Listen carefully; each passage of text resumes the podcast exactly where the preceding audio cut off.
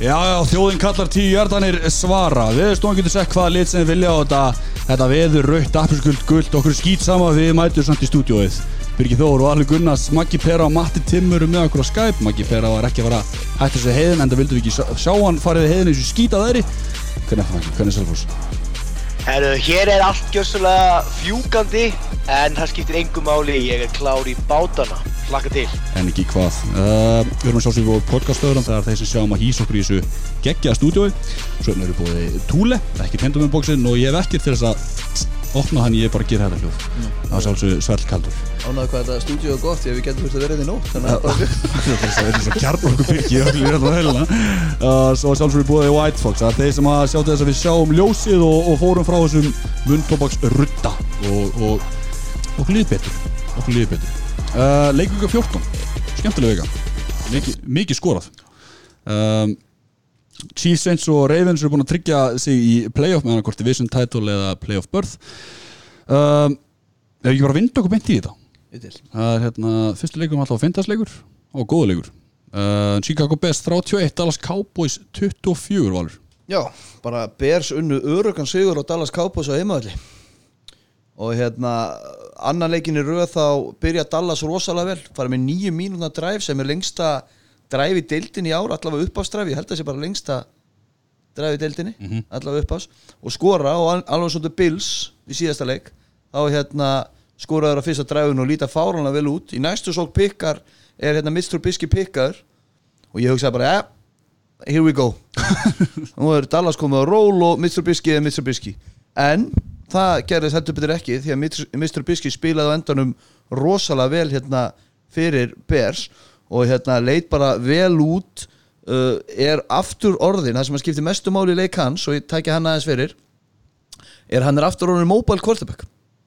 Hann er aftur fyrir að þóra að hlaupa þó að þessi maður kannski í, í grend við hann. Hafði þið tekið eftir þessu? Já, það sem enginn til leikin hans. Í fyrra, þú veist, meðan voru að býða eftir þessu. Hann var búin að hlaupa tíu sinum að ferri hjarta í árið eitthvað heldur en í, á svipuðum tíma í, hérna, í fyrra. Uh, þessi leikur enda svo þannig að, að, að, að Bears vinna þarna uh, 24-31 en leikunum var ekki svona, já, þeir bara fá garbage points í lokinu raun og veru og hérna, og Bears voru með þetta í hendi sér bara nánast allan leikin eftir þetta fyrsta dræf Já, ég meina, ég, eins og sé, ég kalla á, á Twitter því að fá að heyra í The Haters það heyrist ekki mikið núna ha, Mr. Buski heitir? Já, Nei, nei, hann er, meina, þú veist, hann er líka að spila bara flott og ég ætla að gera svo kræður að velja hann minn túluleikmann vikunar það var lægi valur. Já, aldrei gert það aftur. Og mun líklega aldrei gera aftur. Ég, er- ég er svo glaðið fyrir þér að hönda og sér búin að sjá ljósið sko. Já, en hérna en, en hérna, svo ég klára hans Bers. Um, ég veit ekki alveg hvað ég hefa eru Bers orðin góður aftur, þeir eru á semi-rönni þeir eru búin að vinna hérna fjóra á síðustu fimm. En þessi fjóru leikir eru Lions, Tvísvar, Giants og svo Cow- Cowboys. Mhm. uh, töpuð fyrir Rams. Eru þau góður aftur eða er þetta bara skessilu, hvað, hvað segir þið? Ég, Já, hvað, já, ég, ætla, ég, ég, ég hef mínu skónabers Matti, hvað segir þau? Ég veit ekki, jú, jú, þetta, þú veist, eins og, eins og sagðir, þá var hann byrjað að hlaupa meira, þannig að fínt að Nagi hafi opnað aðeins playbookið, svo út af því hann hefur bara virkað hlættur hingað til.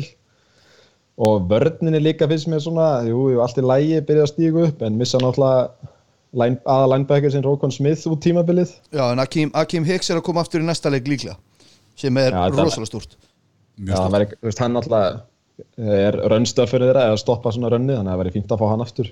En það hefur bara verið geggjað að fá það báða saman, Nei, Rókon Smith virkilega skemmtilega leikmaður. Já, ég samanlega Svo náttúrulega líka Já, bara svo- Já, Maggi, fyrir ekki Svo höfum við líka oft talað um það, þetta er svona kannski búin að vera svolítið one-man show hérna í Alan Robinson og, og David Montgomery ekkert alltaf sínt okkur það að hann sé eitthvað geggja hlaupari en hann er svona að koma meira og meira inn í hlaupaleikin og núna náðu þeir að kasta á fleiri og þá verður bara ógeðslega gaman að sjá hvort þeir geti ekki tekið þetta næsta skref. Allavega góðu fréttindir það er að að Biggi getur slakað þess á því að hatrið mun ánefa minka á prinsinum hans.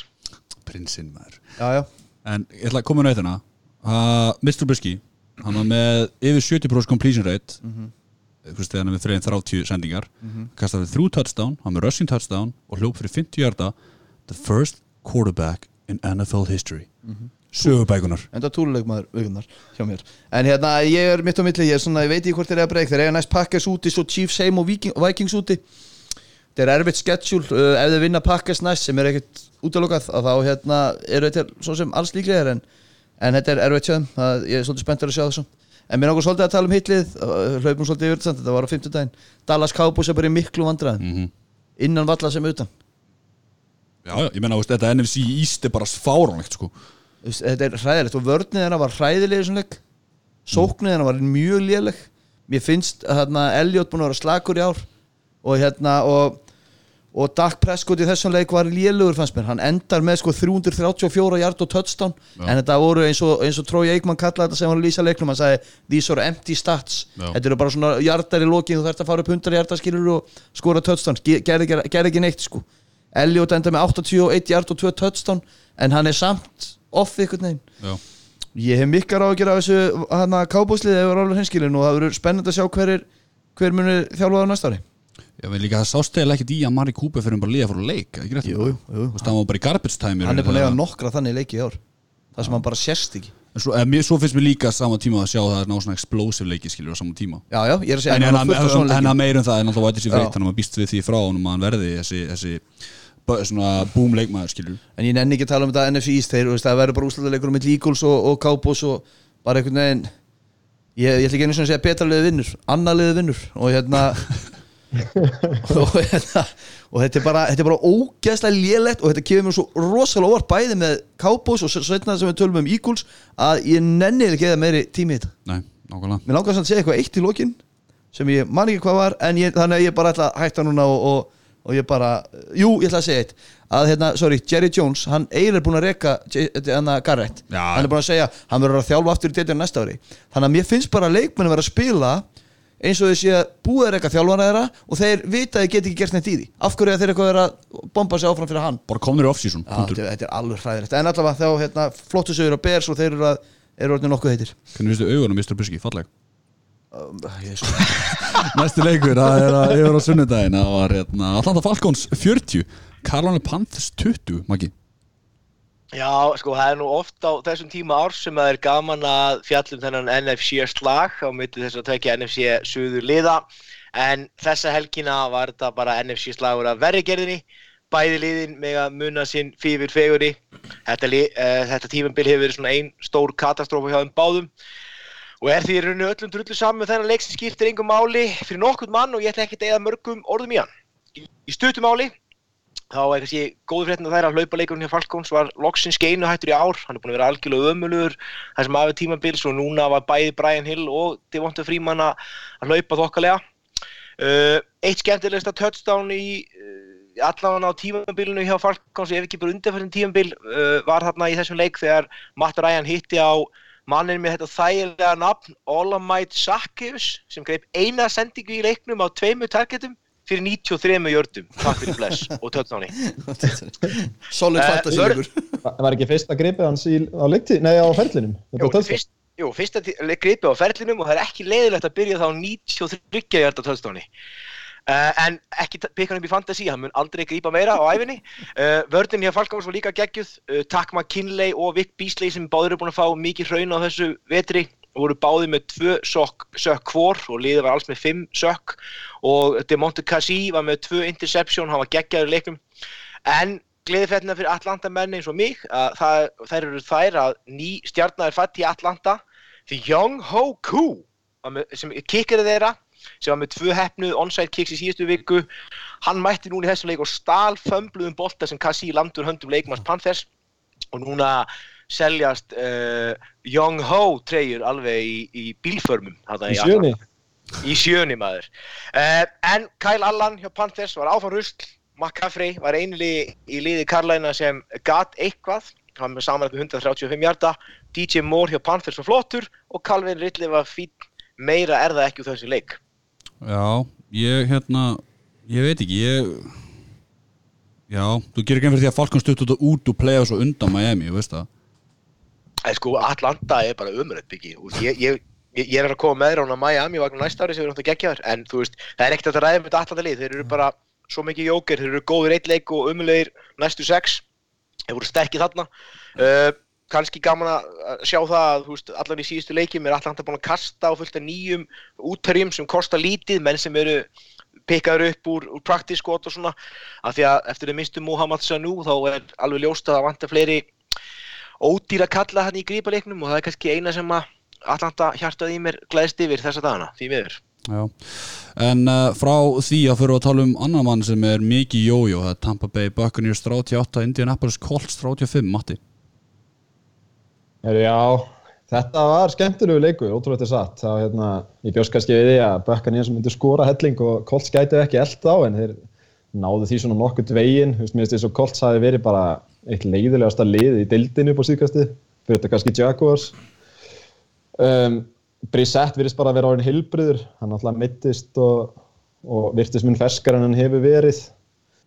Uh, þú veist, ég er að finna sáttur að þetta Colts-lið sé ekkert á leiðinni eitt endilega í play-offs. Þú veist, þeir eru tæknilega sér inn í myndinni en eru hvað, 6-7 Mhm. og en ég sé það samt ekkert fara í play-offs. Náðu náttúrulega ágætis rönni þarna í byrjun. En það er kannski fínt að fá einhver önnur aðeins eh, svona skemmtilegri lið.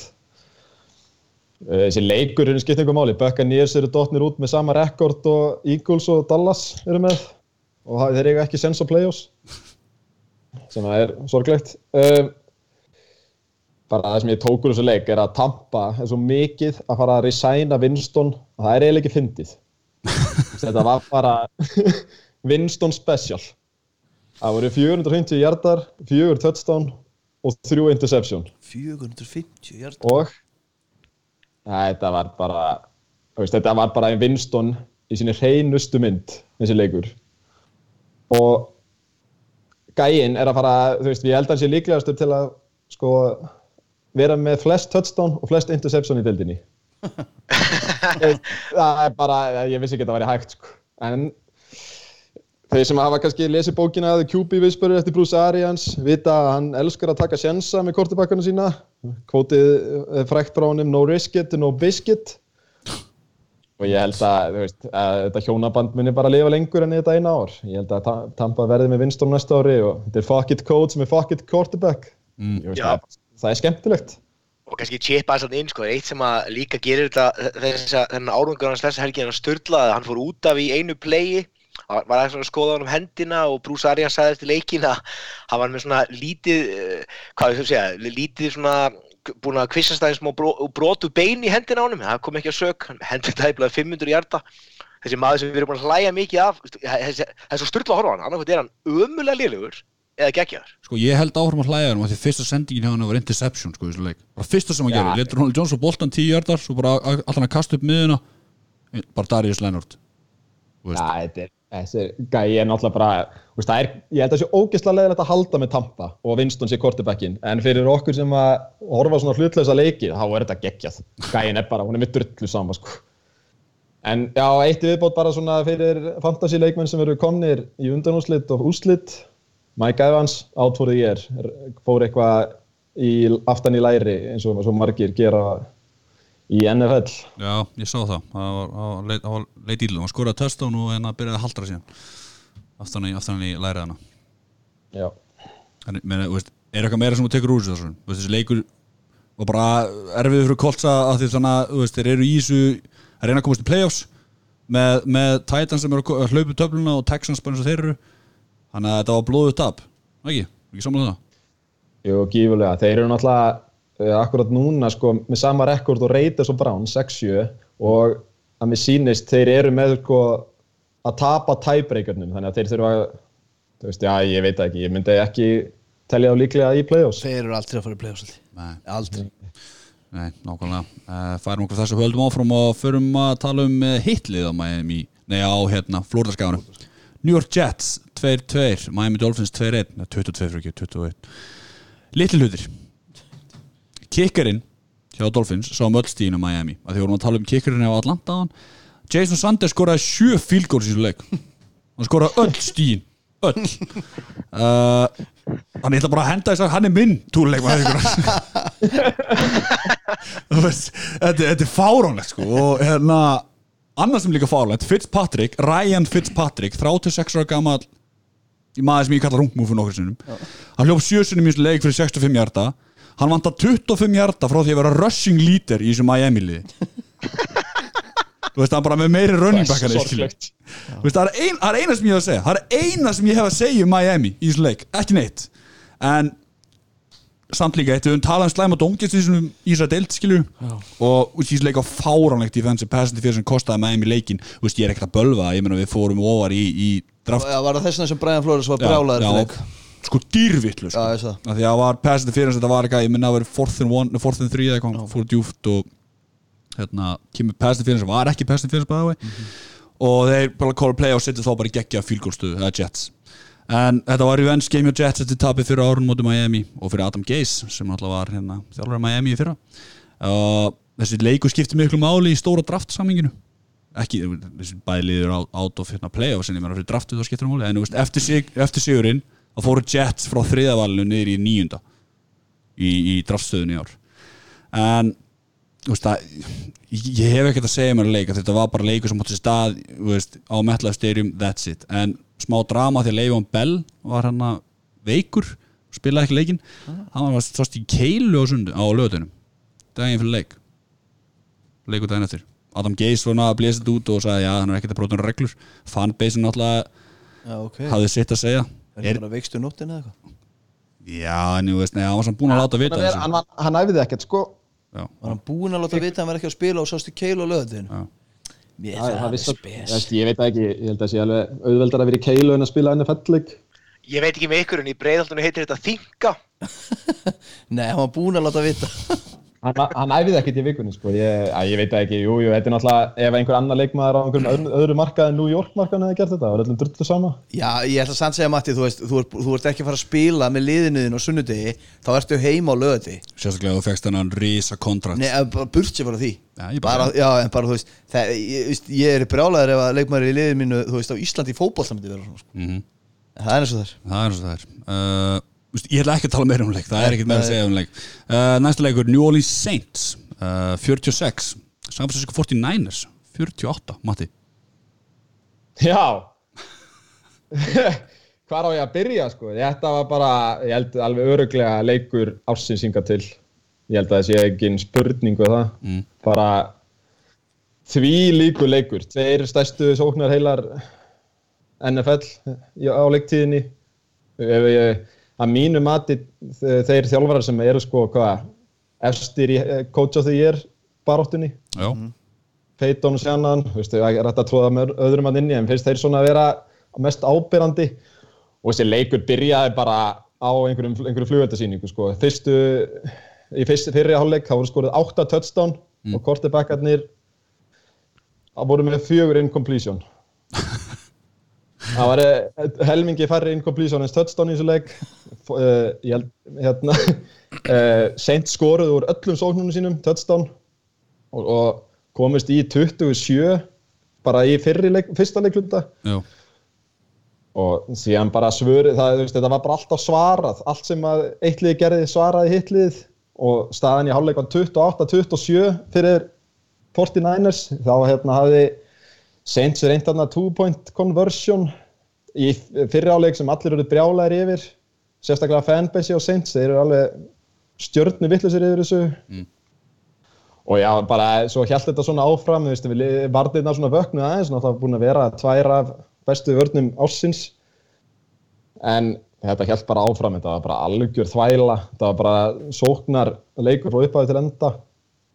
Uh, í lokin þá er staðan 40, eða sko þeirra tvær og hálf mynda eftir, þá er staðan 45 40 fyrir 49ers þegar Brís náttúrulega gerir það sem hann gerir í rauninni best, feppar upp öllin á rúmi mínútu kemur liðinu sínu yfir 46-45 en þá kom uh, Shannon og Jimmy og náttúrulega eitt uh, öruglega mest svona impactful play ársins frá George Kittle sem dróð þarna hann átti þess að á fourth and two með 39 sekundur eftir. Þá fær hann sendingu. Einn á nær að einn. slauta sig lausa og þá- kemur einhver seinskæði og rýfur í honum en hann dregur hann bara 20 hjarta og enda þrjá gaur á undan sér. Þetta var bara Hvernig getur, sorry Matti, hvernig getur George Kittle verið einn á einn út á kanti í fourth and two og þetta er fyrir leikin Mhm. Ég skil þetta ekki. Ég- Nei, ég skildi ekki heldur, þetta var bara, þetta var, ég, hérna, Sjana hann átti bara, hefur öruglega ekki átt betri kólaðan leik, hann bara fóð svo djúft ofin í playbookið, það voru svo ógeðslega mörg falleg play og bara hjá báðum liðum. Og ég bara mæli með því að fólk fari á Twitter eða á neti og fari svona skoðum smá svona analysis yfir þessu. Því þetta var bara algjör sóknar leikur, þetta var bara djöðvarða fallegt, bara frá allstaðar sko. En svo vilja menn meina núna, ég veit ekki hvort þetta sé svona smá recency bias eða eitthvað, en þeir eru að byrja að tala um að þetta George Kittle play sé nýju Beastquake eftir Marcion Lynch safnum árið.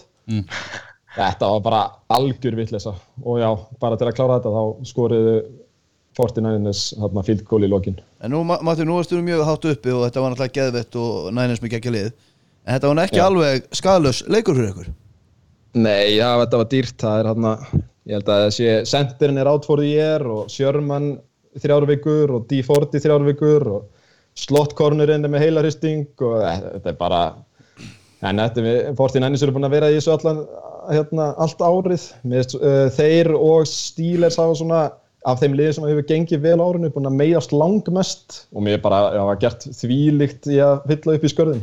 Já, orðið, orðið vest úti að segja fyrir því að bæði Drew Brees og Jimmy Garoppolo báð með 349 hjörta Kasta það Er sko, og, og Jimmy Garoppolo var geggjaður í leiknum. Mm Já, ég voru gleftur að koma aðeins inn á það en bara svona, fyrst að þeir eru báðið með sama jafnmarga passing yards þá voru leading rushirinn í liðinu báðið með 69 rushing yards hver. Nó Tavis Murray. Eh, Latavius Murray En jú, veist, þetta verður svona leikur sem að fólk vil meina að núna eigi fólk að bera virðingu fyrir Jimmy Garoppolo. Veist, ég hef náttúrulega alltaf verið á, á vagninum og þetta bara síndi sig að hann getur unni leiki þegar hann Þú veist, þetta er bara, þetta er, er erfiðast útvöldurinn í dildinni og eins og Richard Sherman sagði svo snildalega, he beat a legend. Já, já, góða mútur En náttúrulega sko, það sem er svolítið að gera þetta er náttúrulega frábær skím hjá aðna, Shanahan og svo er hann náttúrulega með Emmanuel Sanders, Debo Samuel, George Kittle og Sagaya og hérna, en þetta Sam, eh, Sanders trade er bara, þetta er, þetta er að gera rosalega gæfu mun fyrir Niners. Líka bara fyrir Díbu Samuel sem er bara, þú veist, hann er bara búinn að springa út eftir að Sanders kom. Já, og það, Já, en sko, ég meina, Sanders í þessu leik bara, sko, hérna, hvað er að frétta? Gæinn greit fyrir 157 jördum einu touchdowni og kastaði fyrir touchdown líka, hann var og Já, hérna, þetta er, þetta er hérna, fyndið, þú veist, út af því að bæði þessi, eða, 49ers og Patriots reyndu við Sanu, sem að, hérna, Patriots fengu fyrir second round pick og hefur ekki gert neitt. Og þannig að 49ers þurfti að sætta sig við Sanders fyrir third og fourth. Það er bara að fyndið að hugsa um það núna. en hvað hérna, en eins og við tölum að þessu seint líka, hérna Kamara, var hann að gera hvað í leiknum? Nei, þetta var bara, ég er svona búinn að skoða aðeins snöppin á Kamara og mér finnst sko þegar að hann fær boltan þá er varnamæður alltaf í honum. Hann fær boltan oft í alveg vonleysri stöðu, bara eins og varnirinn á að þvílegt að lesa þegar hann á Hann, að fá hann, hann er með boltann, 25 skrín hjarta í og- 13 tilur og, og, Þetta er bara- og fömblaði ekki líka Jú, og krúk, já. femplaði mjög, mjög drjúgt þarna. Og en já, bara bolta leikur og ef það er einhver leikur sem að fólki langar að fara tilbaka og skoða aftur, það er bara 40 mínútur á þennan Jared Það Cook að hitna, það er einu það er sem ég tekur þessu fyrir Saints. Já, Jared, og ef þú fær tight end inn með Michael Thomas og þessum gæjum þá ertu komið með aðeins fleiri vopn heldur en bara hann sem var á tímubili hjá Saints að og hluti Anna líka, þótt að eins og Taysom Hill s- þú veist að hann gerði ekki neitt í þessu leik það var að segja, hann, fór mjög lítið fyrir hún enda bjóst maður ekki við miklu eftir síðasta leik það var alltaf var best leikur lísans ábyggla en alltaf þegar maður sá hann stilla sér upp þá var alltaf bara, alltaf var svona, ú, shit. Maður var alltaf að stara á hann bara býð þegar komið til gerast og þessi steindist honum. Maður svona, hann er svo, hvað að segja?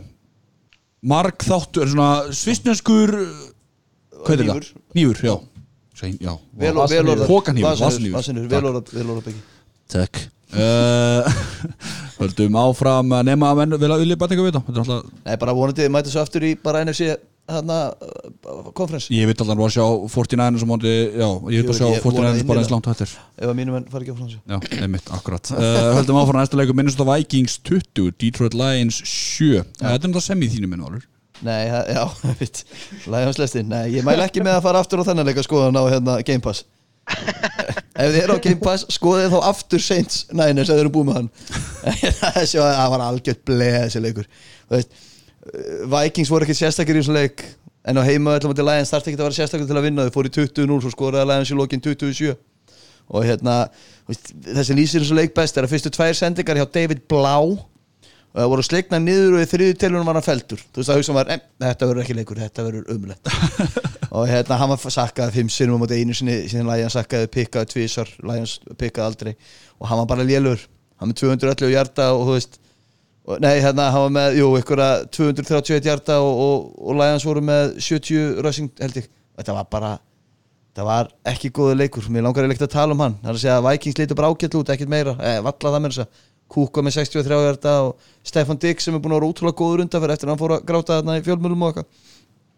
Var með 92 hjarta, eitt geggja greip líka. Og Cossens með 242 touchdown, þú veist.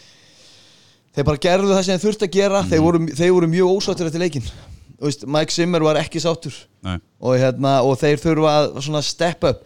Sko, að sp- eh, þannig við tökum aðeins Vikings áður en ég tala smá um Lions og bara segja gott að þessu leik. En ég veit ekki alveg hvað ég hef Lions. Ég horfur svolítið á Lions með hjartana því að ég náttúrulega er pakkasmaður og, og þeir eru með okkur riðli og eru berðis okkur riðlinum. Og mér finnst þeir alltaf annarkort vera besta liðdildinni eða bara algjört miðlungs mínus lið Það eru Lions, það eru Vikings. Vikings, Það að um já fyrir ekki að þeir tala um Vikings. Já, ég held að það var Já, satt Lions já. Ég veist, Hvað eru þið að því? Mér, að því mér finnst þið með geggjaða mannskap uh, hafa öll vott til að vera bara elitu liði í deildinni en einhvern veginn ná aldrei almennilega að fara þangað. Ég, ég er sammála, ég, ég, ég tekið þetta Þeir hafa, og ég meina er vist bara því að þýlun alltaf að datta út hann í nokkla leiki hvort það vanti en hann explosive hérna á Stefan því að það er ekki mikið hjálpi Þú veist, Kyle Rudolph kemur bara allt í hann í eitt play svo hverfur hann í, í, í þrjáleikl og svo kemur hann í eitt play. Skil, ég og veist, þessi vörn jú þeir eru með Harris í, í slottunni mannrétt Já, en maður segir við ja, Rhodes. Harris og Smith, já, já, en, en Rhodes er ekki þessi Róts talað er um ekki já. en þeir eru með, hann er Daniel Hunter hann er geggjaður hann er vannmetinn Mm, Maggi? Já, líka gaman að sjá kannski á Twitter svona eftir hennar leika mikið að fantasy spilur voru ansi reyðir með hvað Dalvin Cook átti svona frekar dabran leik hann fekk ekki nema 5 karris í setni hálfleik. Og þá töluðu mennu það að þessi bara vera svona kvílan fyrir úrslutakefna er Vikings í einhverju stöðu til þess að vera með eitthvað svona? Ég, ég veit þeir eru alveg með, hvað, með nýju sigur á fjögur töpuð eitthvað. Mm. að ég veit ekki, ég, ég skilja hvað valur að fara og hérna, þeir hafa fullt potential þeir eru flott lið. En, en, Já. en já, ég var til að sjá mikið, mikið meira frá þeim til þess að þeir síni þá sanni að þeir fara að gera eitthvað hluti í þessu úrslutakefni ef þeir eitthvað erindið á það Ég er enda alveg, ég kaupa alveg þeirra að vera á kvíluna því að þú treystum mér ekki, sko. Biggi hefði getið verið í þannig raunibekku þegar þau unnöðan leik í setna áleik sko. Tæta byggi Þetta er um Birgir Þór hefði verið hann einmitt. En eins og ég segi, Lions, en ég hef samt trúið þeim ennþá, en kannski geta verið hjartan sem talar En mér okkar öllítið að tala um Lions, þeir hljóta skiptum þjálfur til tíðanbíl Er það? Ég meina, Matt Patricia er fengið hann til að laga vörnum og við erum búin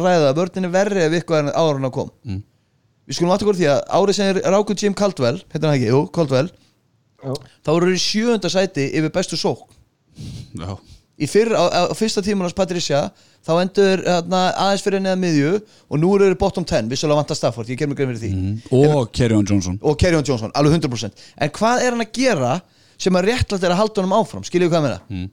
hann, er ekki, já, hann er ekki með þetta hérna, hann er ekki eins og mjög defensive aspektin sem að er hans kennileiti skilur já, já ég skil já. Æ, ég var að hlusta á eitt podcast á þetta í dag sem að menn voru að tala um það svona, að þeir að gefa um eitt tímabila sem að færa svona pikka sinn korti baka okkur svona róum okkur aðeins sko. Já. gæin er varnaþjálfari, ég sé ekki fyrir mér að hérna, að hérna hann sé að fara kvíslega eira á okkur korti baka og gera liðið okkur veldi mér finnst ekki sínt eitt eða neitt sem þjálfari og það er búin hundleðulu bolti sem við spila og, og ég var alveg til að sjá hann fara sem lengst bara Já, ég með það er ekki eins og sé ekki með góðan kortabættur með Matt Stafford skilur Já, já, sem sem að er alveg að segja sér með vannmyndustu kortabættur en ég vorum að tala um með að kvíla hjá Vikings sem er þegar Chargers, Green Bay og Chicago framöndan og Chicago leikur ef að Chicago hættur um að vinna hans tvo leiki þetta getur stór leikur. Og Charles úti er ekkert gefið, maður veit ekki hvað maður ég um það. Þá en já, þetta var allavega ekkert sérstökuleikur það þitt teik yes. Ok, höldum áfram. Næsta leikur, Houston Texans 24, Denver Broncos 38.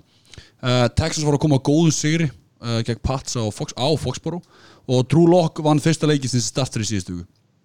Uh, Broncos voru frábæri fyrir áleik. Þeir, þeir, áttu leikin allstaðar.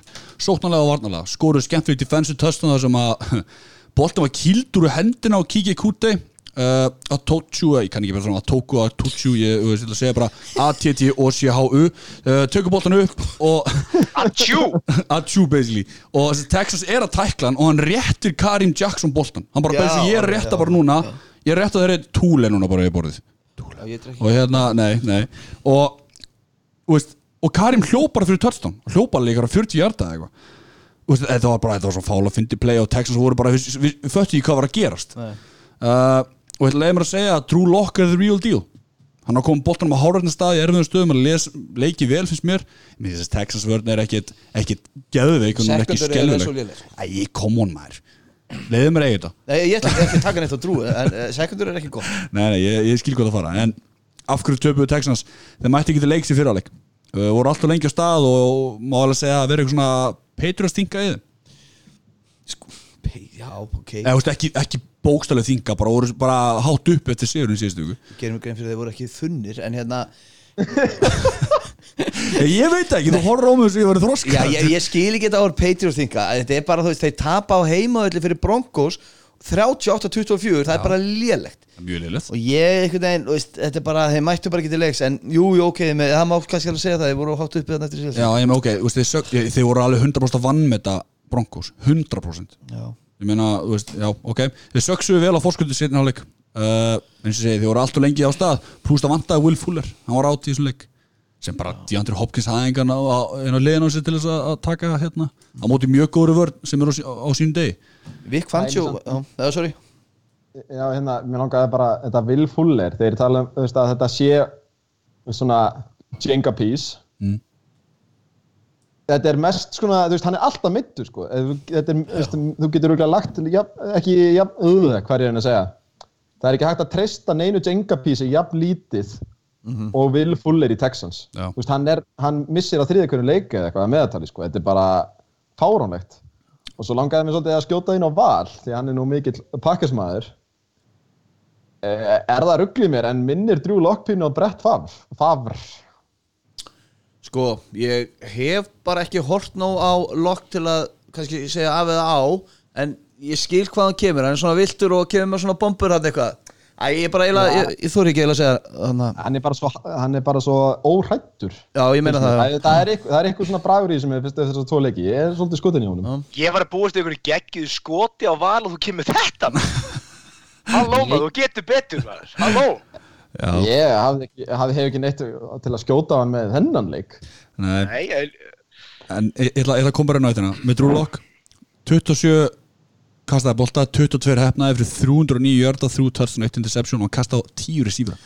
Ég, það sem ég tek út úr þessu mér, þetta bronkoslið, mér finnst það ekki áleitt það er ekkert frábært, það er ekki áleitt. Ég er með svipaða tilfinningu sem er kannski bandveitis fyrir Vic Fangio og Brian Flores hjá Miami. Það er svoleiðis. Mér finnst stígandi í þessu vörnin er eitthvað að gera eitthvað. Mm. ég er ekki búin að skrifa Vic Fangio sem aðalþjálfara sko. Nei. Vi, Við erum búin að ræða það við, hann, okkur skilja henni skilja af annars sísónuna klálega og hann er kannski bara að, eins og við tölum um fyrir á hérna, tímbilinu hann, hann er vanað því að vera að setja upp upp í búð og horfa varnir þess að hann var svona góður að bers en nú veist, hvort að hann sé bara búin að venja leikið svona það að lesa varnir betur en að niður á jörðinu, það er spurning. Eða ekki? Það ekki. En annar líka, við erum bara að tala um Noah Fant. Hann var með fjóru gerðna bolta af fjórum kostum til sig fyrir 113 hjarta eitt touchdown, smá tight end level sem við gáðum það át er ekki talað um að Titan sé hvað þrjú ára að læra í deildinni að læra á deildina var það ekki eitthvað að segja Jú, að tala á eitthvað nefnt Er þannig að þetta er fyrsta ára þannig að við skulum kannski ekki afskrifa hann alveg strax. Nei, ég bara segja skilur smá, þetta er smá já. Uh, Höldum áfram, förum að í næsta leik Buffalo Bills 17 Boltum Ravens 24, Ravens er mitt seffræðingir Titans, Maggi? Já, þetta var mjög skemmtilega leikur. Ég var búin að vera mjög spennt að vera að sjá okkar menn í Buffalo Bills keppa móti okkar mönnum í Baltimore Ravens. Uh, og menn hafa svona keppst um það í allan vetur að lofa Lamar Jackson vegna velgengni liðsins og það er réttilega. En núna var bara komið að Ravens vördinni til að sjá um þetta. Þessi leiku var algjör varnar veistla en það mættist þarna þriðja besta vördnin, uh, vörd deildarinnar þeirri sjöttu. Ravens vördnin held Josh Allen alveg í skefjum og sökkuð hann sex sinnum strákar. Uh, þeir held honum í 17 uh, hefnuðum sendingum á 39 tilraunum með 146 hjarta og 1 touchdown og lifði honum akkurat ekki að skrambla raskat. Hann var með einhverja nýju hjarta sem hann svona trítlaði þarna. Þeir voru gjössalega mættir í andlitið á honum í hvert einasta skipti og hann virkaði smeykur og reyndi yðurlega að henda í bombu í fyrirháleik. Hann kastaði þrísesinu langt framjá, uh, grípur hún þá og svo í setni var hann alltaf að berjast í því að reyna að kasta næla langt, svona öndur þrúðum. Þannig að spurningum út af vindurinn hafi verið að spila eitthvað hann inn í en hann leitt alls ekki vel út. Uh, Hinnum einn, Lamar Jackson, þessi talandum, uh, hvað kallaði Matti þetta? Jinga Púsl. Eh, Peace Jinga Peace, ég, ég veit ekki hvað það þýðir en uh, ég ætla að nota það, þann frasa samt því að Lamar leit ekki æðislega út í þessu leik uh, Bills vörnin bara beislaði hann svolítið hann kastaði fyrir 145 jördum samt þremur touchdownum, típisku Lamar og einu interceptioni. Uh, en mest af þessum kastjördu var 61 hjarta sending á Hayden Hurst hinnum rauðbyrkna manni með ógeðslega hárið sem skoraði þarna fallið touchdown. Uh, Jackson er samt fyrst í QB-in í ár til þess að skora 3 plus total touchdown á móti Bills í ár.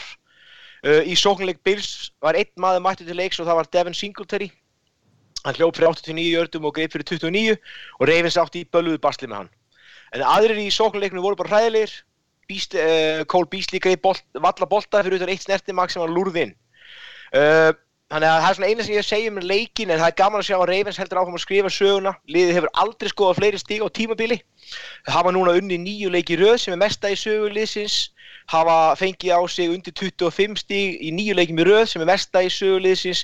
Lamar Jackson heldur áfram að skrifa söguna. Hann hljóp núna yfir 1000 hjarta á tímabilinu í þessum leik og vantar bara 22 hjarta til að jafna með Michael Vick sem hann mun klálega snýta eins og við höfum sagt áður. En stóru fréttinu þær að tight end Ástin Ika var rungaði, er rungaði í Baltimore. Tight end er hafa skórað samtals 11 touchdown í ár hjá liðinu og það er mesta í sögu félagsins. Mark Andrews fekk höfuhögg eða hann mittist eitthvað í svona leika ekki? Jú. Jú, en hann er í lagi. Þetta er, veist, hann gæti orðið tæpur í næsta leik og það er að spila á fimmtudaginn en var, þeir voru hrættur um að þetta væri eitthvað alvarlegt en það var ekki svo.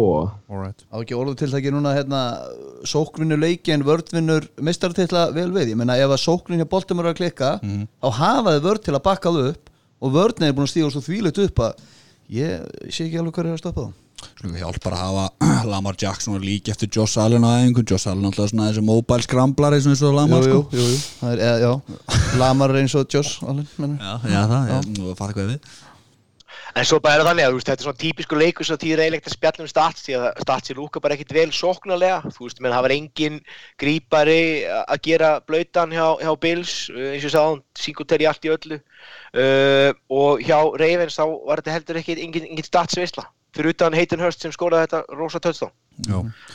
En eins og við tölum, þetta er mikilvæg sigur hjá Ravens. Eða skilur bara í, í þetta er svona erfiður sigur, ekki segja það. Já, góðu sigur, góður mjög sigur. Uh, geggjaðu síður hjá þeim og þeir bara líta hrikalega vel út og eins og Valur sagði, fyrst að vördinni er farin að sína það að þessu bara geggjaðir Mm. þá geta þeir farið ansi langt Nákvæmlega, höldum áfram. Uh, Ég tala um appisnugula viðvörun Ég ætla að henda út appisnugula viðvörun á þennan leik. Cleveland Browns 27 sinns því Bengals 19 uh, Sko Jú, nei, nei, þetta var svo sem fínasta leikur. Það er ekki það. Uh, Bengals svo lengi vel inn í þessu. Ég held alveg að Bengals myndi vinna á tímbili En það sem var það fallega bara klálega getuleysi í reddsónu Þeir fóru fimm sinnum í reddsónu og skóra bara eitt snertimark fyrir að það var smá bara kicker vesla mikið að kicker vesla í þessu leiku uh, Bránslið eins og var vel gýrað í einu leik. Þú heldur haust að þú veist það sem þau hefur hæglega getað hérna klúra þessu út af turnovers og fleira. Það var ekki fyrst skipti vetur svo sem. En eins og ég sagði án, Bengals voru í fimmsur reddsonu en Brown stoppaði bara aftur og aftur og aftur. Og voru með hana gott pick six á Andy Dalton sem er skoruð törstunur en þessi leiku skipti mjög litlu máli þannig sé Já, ekki fyrir Nei, fyrir Browns náttúrulega geta skil, en ég meina fyrir Bengals voru eins og við tölum um í síðustu þau voru aldrei að fara að vinna tvo leiki. Og þeir eru bara að, að halda fram að gulltryggja þessu í bílstur og sætinu fyrir fyrsta valvita næsta ári. En Browns eins og það þú veist að það er mikið að gerast. Og það er mjög mjög mikið að gerast. En þeir eiga ennþá séns á að fara í valkarti það er svo, svo lengi sem að hérna, Steelers uh, halda, eða, Steelers hyggsta og Browns halda frá sínum gangi ég var ekki vonað því en það getur alveg gerst að ég var sko að skella þeirra alltaf hvað ég finna þeirra uh, og schedule hjá Browns er mun þælar heldur en nei, á þingra, Steelers er þæ- þælar heldur en hjá hérna, stílur Browns. Að ég, ég ætla ekki að draga upp þetta, basically, það er bara að sjá hvernig það þróast en samt sem að Browns eru ekkert meira skemmtilega heldur en Steelers svo sem en ég get, Stílis er, það er eitthvað yfir stílis núna samt, finnst mér. En við tölum kannski um það. Já, við ræðum eftir, já, hversu, Maggi? En kannski eitt líka sko að þú veist þessi Cleveland vörðu við töluðum um það hvaða áhrif það myndi hafa á það að missa Miles Garrett? Það fannst mér bara Cincinnati bara oft þegar að leika og djöfitt ítla ná djúpum sendingum hérna uh, sko C og I. og þeir eru samtals með yfir 400 hjarta á mót- þessari vörð og þetta er sko er fucking þannig að, Browns þarf bara að hafa verulegar áhyggjur af þessu varnarleik og, og hérna já, sko, eiga ekkert erindi að gera neitt í ykkur úrslutakeppni með svona óbáslega slaka vörn og, og hérna mittan OBJ Já, já, svo náttúrulega það líka sko, það, uh, búið að tala um það að OBJ sé búin að reyna að, að hvað segja uh, koma sér yfir önnu lið með því að, að spjalla þessu quarterback eftir leiki sem hún er mætt. 49ers, Patriots og fleira svo var hann með eitthvað, eitthvað, hö- hvað, hörnía Sports hörnja sportshörnía og ykkur að tala um það, þú getur nú ekki spila með sports hörnja ég þekki þetta Þetta ekki er, er íþróttakviðslit. Ég kynnti mér hvað þetta hörnja þýtti og þetta er íþróttakviðslit í beinni þýðingu. Mm og, og jú, þetta er vist alveg voðalega erfitt að spila með þetta. Baker er náttúrulega komand eftir leik þetta leik getur náttúrulega ekki átt sigur án þess að það sé eitthvað drama sem fylgir. Komand eftir leik og kastaði treyningstaffinu undir rútuna. Já, sagði að þeir eru átt að tækla hérna, þessi meðsli á Votel miklu fyrr, þetta var náttúrulega eitthvað, sem kom upp í off-seasonu og ef hann hefði farið í aðgerð þá, þá hefði hann mistað tveimur, þreimur vikum samkvæmt fréttum. En í staðinn var hann látin reyna að hlaupa þetta af sér eða eitthvað og það er bara gengið hrikalega illa. Eins og við sjáum, veist, við sjáum bara að þetta hefur gengið illa hjá Browns að sko, að mörg, þetta er bara hræðilega tímbil fyrir Baker Mayfield, getur við sammála? Og að mörgu þá er þetta hugsanlega vestar sem hann gerði að henda þjálfarlegin undir rútun og svona. Mhm. mér er alveg sama hvað tilgangurinn er þegar getur ekki verið tilgangur. Nei. Því takið þetta bara fyrir, að- ræðið þetta bak við tjöldin sko. Já, klálega, ég meina, eins og segi ég er sammála sem hérna matta. Að það er bara eins og skiptir engum máli hvernig vinna að tapa það er bara svo endalaust að einhverju veseni og, og ég held bara að býða þetta sísón klárist. Ég held ég bara get ekki beðið eftir en það lítur Baker bara eins og bara, hann lítur, sko, hann lítur skelvilega út það er svo gæðin sovíki, sko, hann er vampýra uh, ef við förum betur yfir hérna schedule eftir þegar við förum við playoffs uh, myndina. En uh, frá þessu, aftur tala alltaf lengi um þetta. En jú, einn pælingsand, pælingsand aðeins í því ef Brian Flores væri með þetta bránslið hvað væri svartu hvít eða væri allt annað þjóraldur Fetty Kitchens? Og öfugt. Já ef og hefði ég veit það skilur Nei, nei, bara, þú veist maður, við ætlum að fá hans mér reynslu á Brian Flores líka, sko, en, en já, já, hann er miklu agaður og svona, það verður áhörst.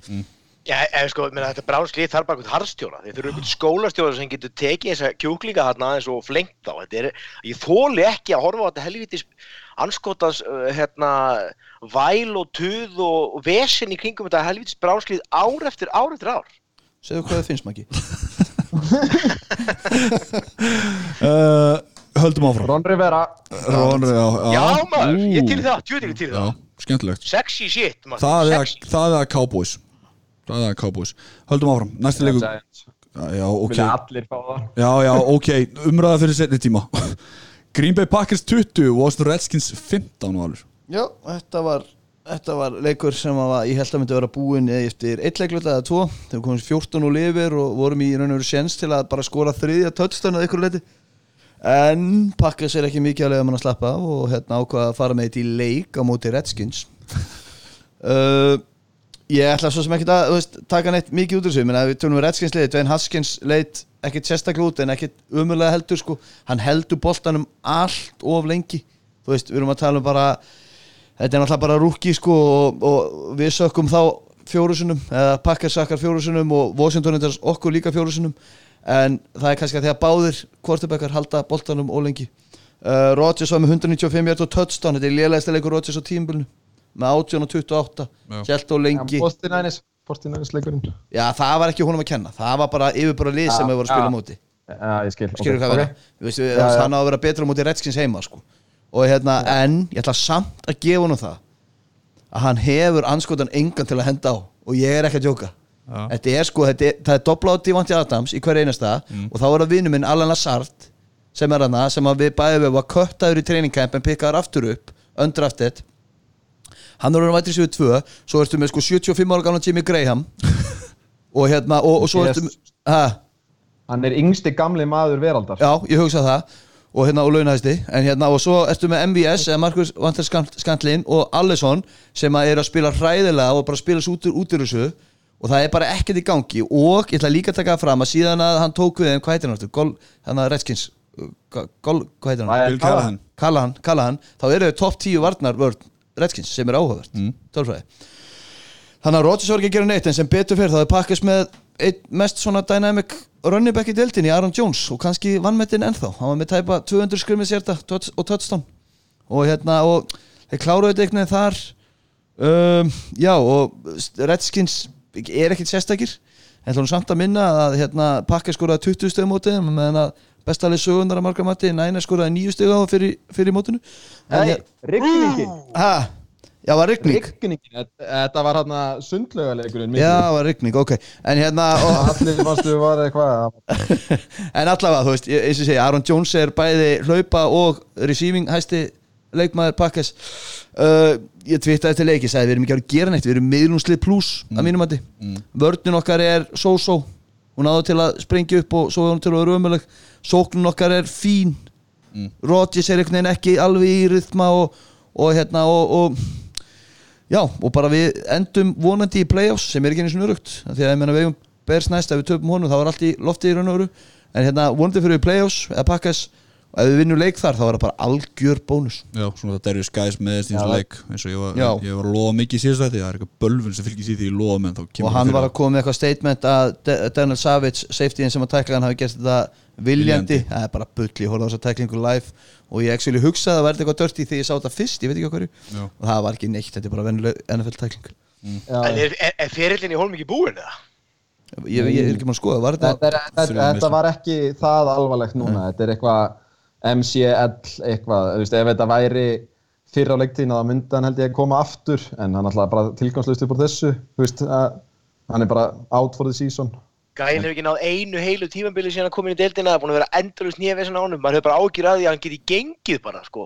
Já, Hvenær kom hann inn? Kom hann ekki fyrra? Nýja meðsli á stuttum tíma. Það.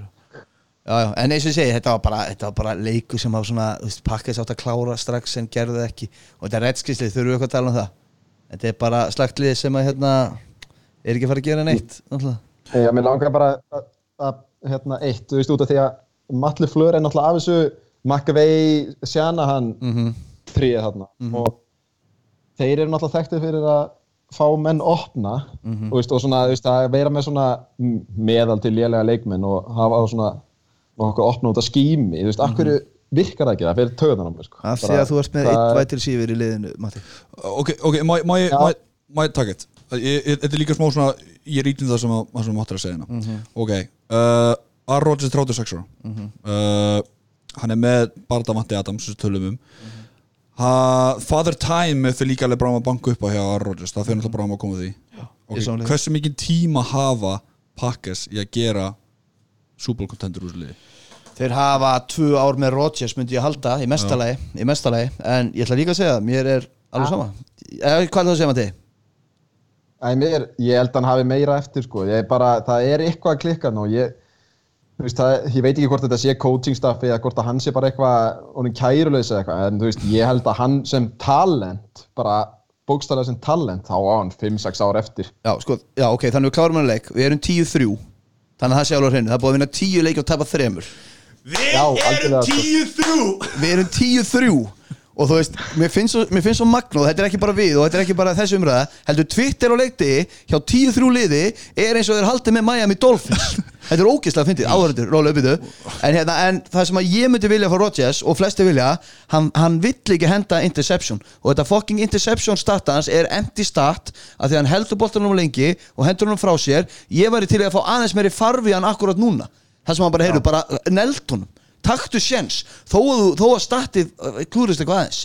Því hann var svo ógeðslega góður í bara fyrir svona þremur árum. Þú veist, þá var hann bara að eiga bara geggjaðar Ég sendingar veit það, en þá var hann með betri receiver. Við meðum ekki taka það af, en ég held ég, veist, Við erum í- aftur, við erum ekki að vera að gera neitt Og bara uh, fínt tíma, ég er ógeðslega ánægð með þetta tímabil Ef við fyrir í pljós Má Akkurat ég, má ég, má ég, Já, já, já bara, bara sorry, hérna, ég er búin að horfa á fólk einhvern veginn efast um Aaron Rodgers og ég er búin að vera það sjálfur, ég er búin að vera að senda valist nei, það er reyndar ekki að því mér finnst það, það er bara því ég elska að æsa val upp, það er að skemmta sem ég geri uh, Aaron Rodgers ef, ef, ef við skoðum statsin hans ef, ef, við, tökum stat sem hérna, góð og gildu, þá lítur hann bara fucking vel út, fyrir þremur árum meina, þá var hann með se- sex interception hann er núna með tvö. Ég meina, ef við skoðum QB ratingi hans, það er flott. Ef við skoðum hjartan hans, það er flott. Ef við skoðum hérna, prósentur, hversu se- sendingar er hefnar, það er flott.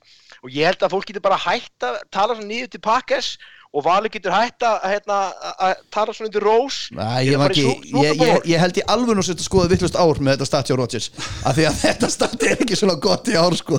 ég get alveg sagt það. Og þetta er nokkur sem ég, ég vil að hann auki pikkin hjá sér, einn skrítur að segja að Farðin að Fantasy Pros og skoða nákvæmlega sem ég segja. Þetta, er, fjórða besta QB reytið hans á, sí, á ferlinum, fyrir ekki fymta besta þetta er hérna, þetta er fymta besta prósendutala sem við náð og hann er með 23-2 í TT1 Jájá, ok, ég, segi, ég skal taka það trúlega en, en ég skora okkur á horfuleiki en ég, við verum hægt á frunastleik Ég skil hvert að fara. Og þú vilt bara fá mér og hann takir mér sensa sem að mun koma út af því að skora frunastleik En ég vil bara já, vil, sko. já, já. Hann líka fór upp sko. Það var eitthvað sem benti mér á James Winston og Peyton Manning var í svipari stati ykkur maður fyrir í dag en áfram Já, það líka, ég, við tökum það sér uh, Næsti leikur, uh, Jacksonville Jaguars 10 Los Angeles Chargers 45 uh, Við fengum, hvað, minnsjú aftur í mixið?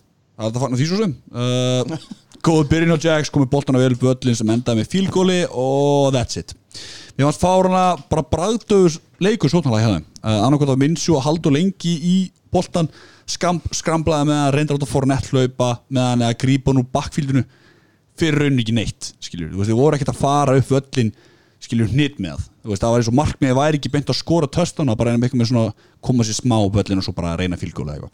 Mm -hmm. en Jaguars vörðin er bara búinn. Þeir, þeir eru ekkert að nenn að spila hana og ég menna þeir mistu linebackerin í meðsli, hvað heitir hann hérna Miles Miles Jack. Já, Miles Jack, já. Mistu linebackerin í meðsli síðustu viku. Og veist, þeir eru bara komið úr off-seasonið. Og Chargers áttu bara alltaf öll með að koma bóltunum í almennt spil og fara hratt upp öllin ég menna ég sá ykkur 2-30 hjarta plus plays bara í, í fyrsta leikluta. Bara easy fyrir Filip Rivers sem var bæðið á 38 um daginn, tráðan ekki um daginn Filip uh, hann var frábær í þessu leik bæðið en það vel við hæfi ámálsteinum en Chargers stegi ekki fylspor og ég verða að tjá ást mína á Austin Eckler við höfum, við, við höfum gefið okkar skít í Melvin Gordon og hvernig allt það mál var og ég held mig við það að þó hann hafi verið góður í þessu leik en Eckler er bara eins og ég segi trójuhestur en ég meina við kunum kalla hann áttuna í Olsson Olsen eða, eða hann að spila í hvað er þetta? hvað er þetta spilir sem allir spila? Fossetti, nei hvað? Nei, fokk, skiptir ekki máli, það skiptir enga máli, ég er búin að stingla maður, það kemur þetta smá, ég með að segja allt inn í random. Okay. Það er bara að segja basically, þessi gæi er svo mikið í þessu Chargers-liði og það er svo mikið synd, hann hafi fallið í skuggan á Melvin Gordon þegar hann kom tilbaka hann leikur fjör, það er svo, er svo leðilegt uh, Uno, Uno heitir spilið, Ég hef ekkert að segja mér náttúrulega, bara pluss Tyro Taylor kom inn í inn, skilur fyrir hérna Já, það búin Já, í fjóluleikla það sæmi lögur að kasta rauð törstán en þessi leikur skipti engum máli bæðilegur út úr plegafröðinu en það sem skipti kannski máli það er bara annan nagli í þessa kistu hjá þjálfurteiminu frontofisinu hjá Jaguars. Þetta lið er ekki að fara að spila upp á stoltið eða neitt því mör Þetta er bara búið að vera lélegast að lið í mán, síðasta mánuðin það er bara vörnir er bara vörnir er bara, þetta er djókvæðinu léleg með hvað hann átti að vera góð og var góð fyrir ekki lungu síðan þetta átti að vera bara hérna, burðarstólfin í þessu liði. Einkennið bara. Já, já, bara það átti að vera fóls út af því þetta var allt svona nokkur veginn tilbúið fyrir rönn og svo bara skelvilegt ég meina þetta er lið sem fór í, í play-offs í teimunum síðan. Fór í championship-leikin, var ekki? Jú, Champions, jú.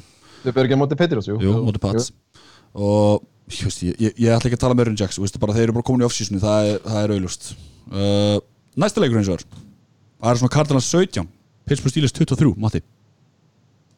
Já, þetta var nú kannski ekkert sá leikur sem hann var spenntastu fyrir í þessu timeslotti þegar hérna, Patriot Chiefs voru að mætast en ég kíkt á hann og ég veit ekki alveg hvað ég á að segja um þetta karslið þetta er liði í rebuild mode og það bara sést.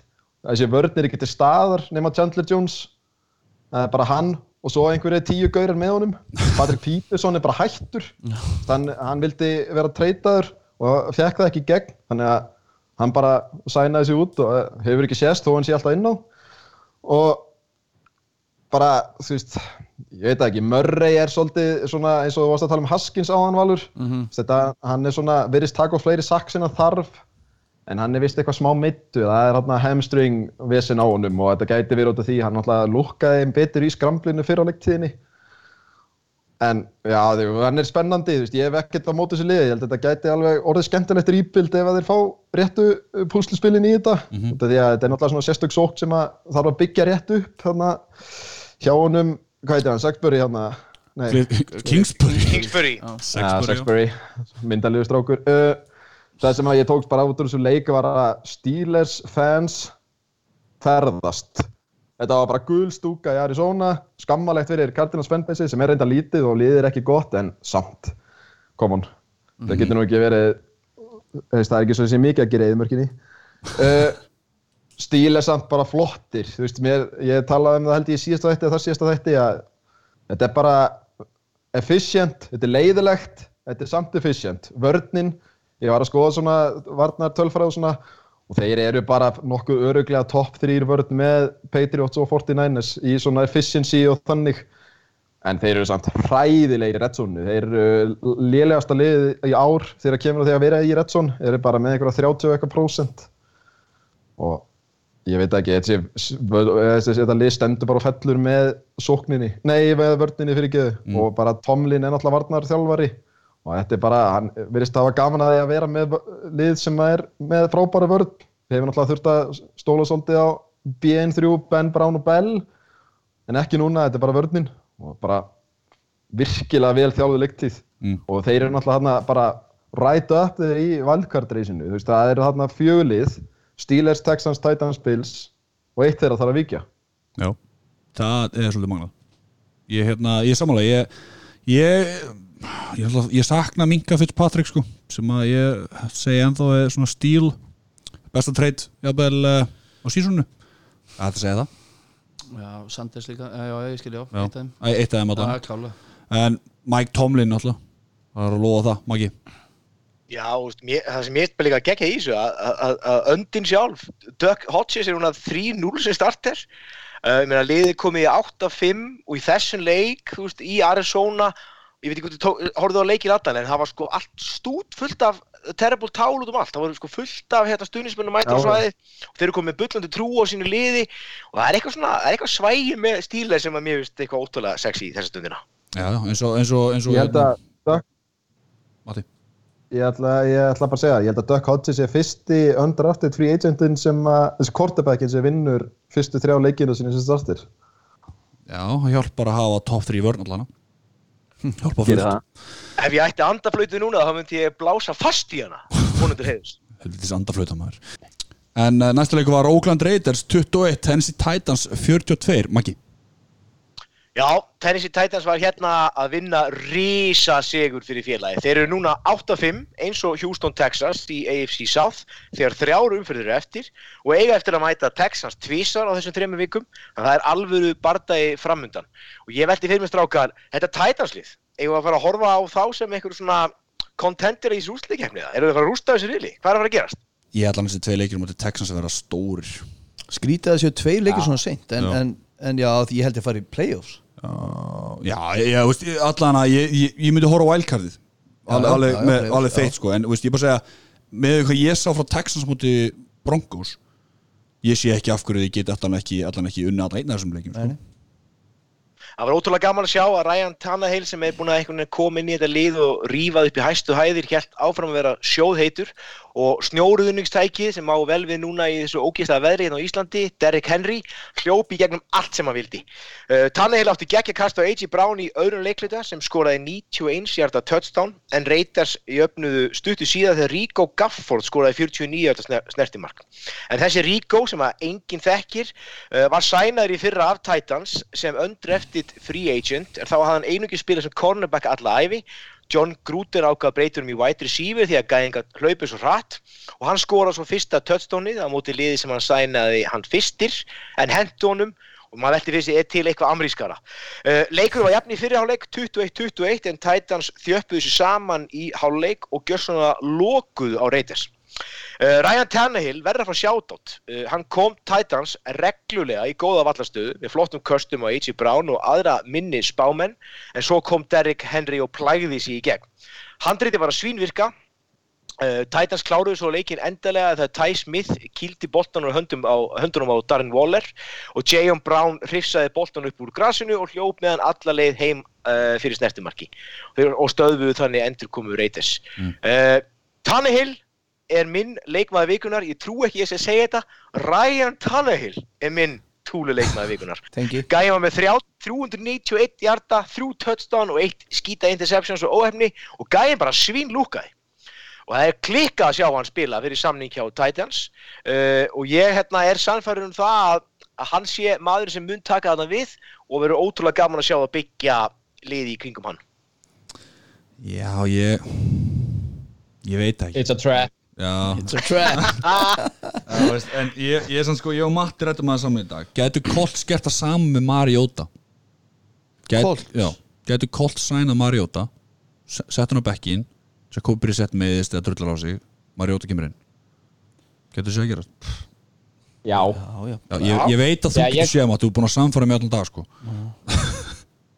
Já, hvað, af hverju ég Matti? hérna kom með þetta Ég veit það ekki, ég bara Akkur ekki, það var bara Mariota, þú veist Ég veit það ekki, ég hérna Colts eru svona með coachingstaffi sem virðist geta gert eitthvað og Æ, ég væri bara að fyndi Þetta var eiginlega bara svona joke pæling Mm. Bara Mariota að pulla Tannehill. Já, uh, talandi um bara eftir að Tanel komin í startið þá er þetta búið eitthvað mest skora þeir hafa skorað flesti eða ekki eitthvað? High scoring offense eða ekki í, í dildinu eitthvað síðan hann kom í startið, það er ekki rétt mér að Jú. Ég held að sé 31 stíð í leik eða eitthvað Þetta er bara mjög skemmtilegt að horfa á þetta lið. Nákvæmlega. Já, og, og við hefum svo oft talað um það skilur að, að ástæður því að Markus Mariota ekki lítið betur út er og þessi svo fá vopn.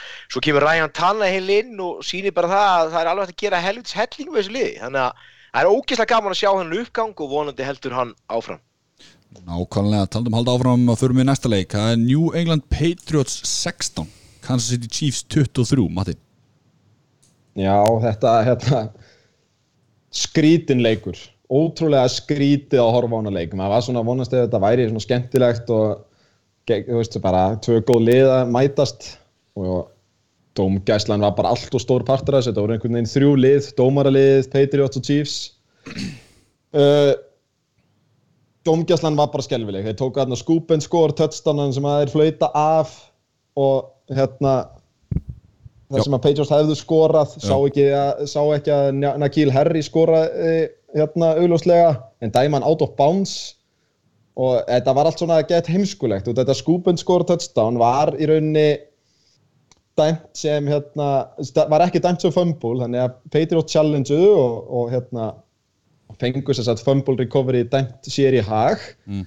en voru þar með búni með challenge sitt þannig að setna í þeirri sók þá náðu, náðu þeir ekki hérna að challengea því þeir voru búnir. En það þetta var bara fárólega illa dæmdur leikur. Og en það er svo sem er ekki ég segi bara eins og Bill þeir þetta hérna stjórna þeim hlutum sem er að hafa stjórn á. Þeir áttu sensa undir lokin að jafna gerðu það ekki. Og ég bara svona, þú veist, ég veit að það er ógeðslega gaman að hérna, vera gæjarnir sem að eru að hafa áhyggjur fyrir hönd patsmanna en ég er bara svona sem ég hrættur við þetta lið. Þessi sókn er bara virkilega svona miðlungsmínus og ég noti svona frasa frá val. Það, hérna, það er þvílíkt samskiptaleysi milli breyti og þeir uh, hérna, sem eru að grípa, vætir síverðarnir og, og tætennir, þetta er nýja uppbóðsmúfið hans að, breyti að benda í einhver alltaf áttenir hlupu eftir hann kastar.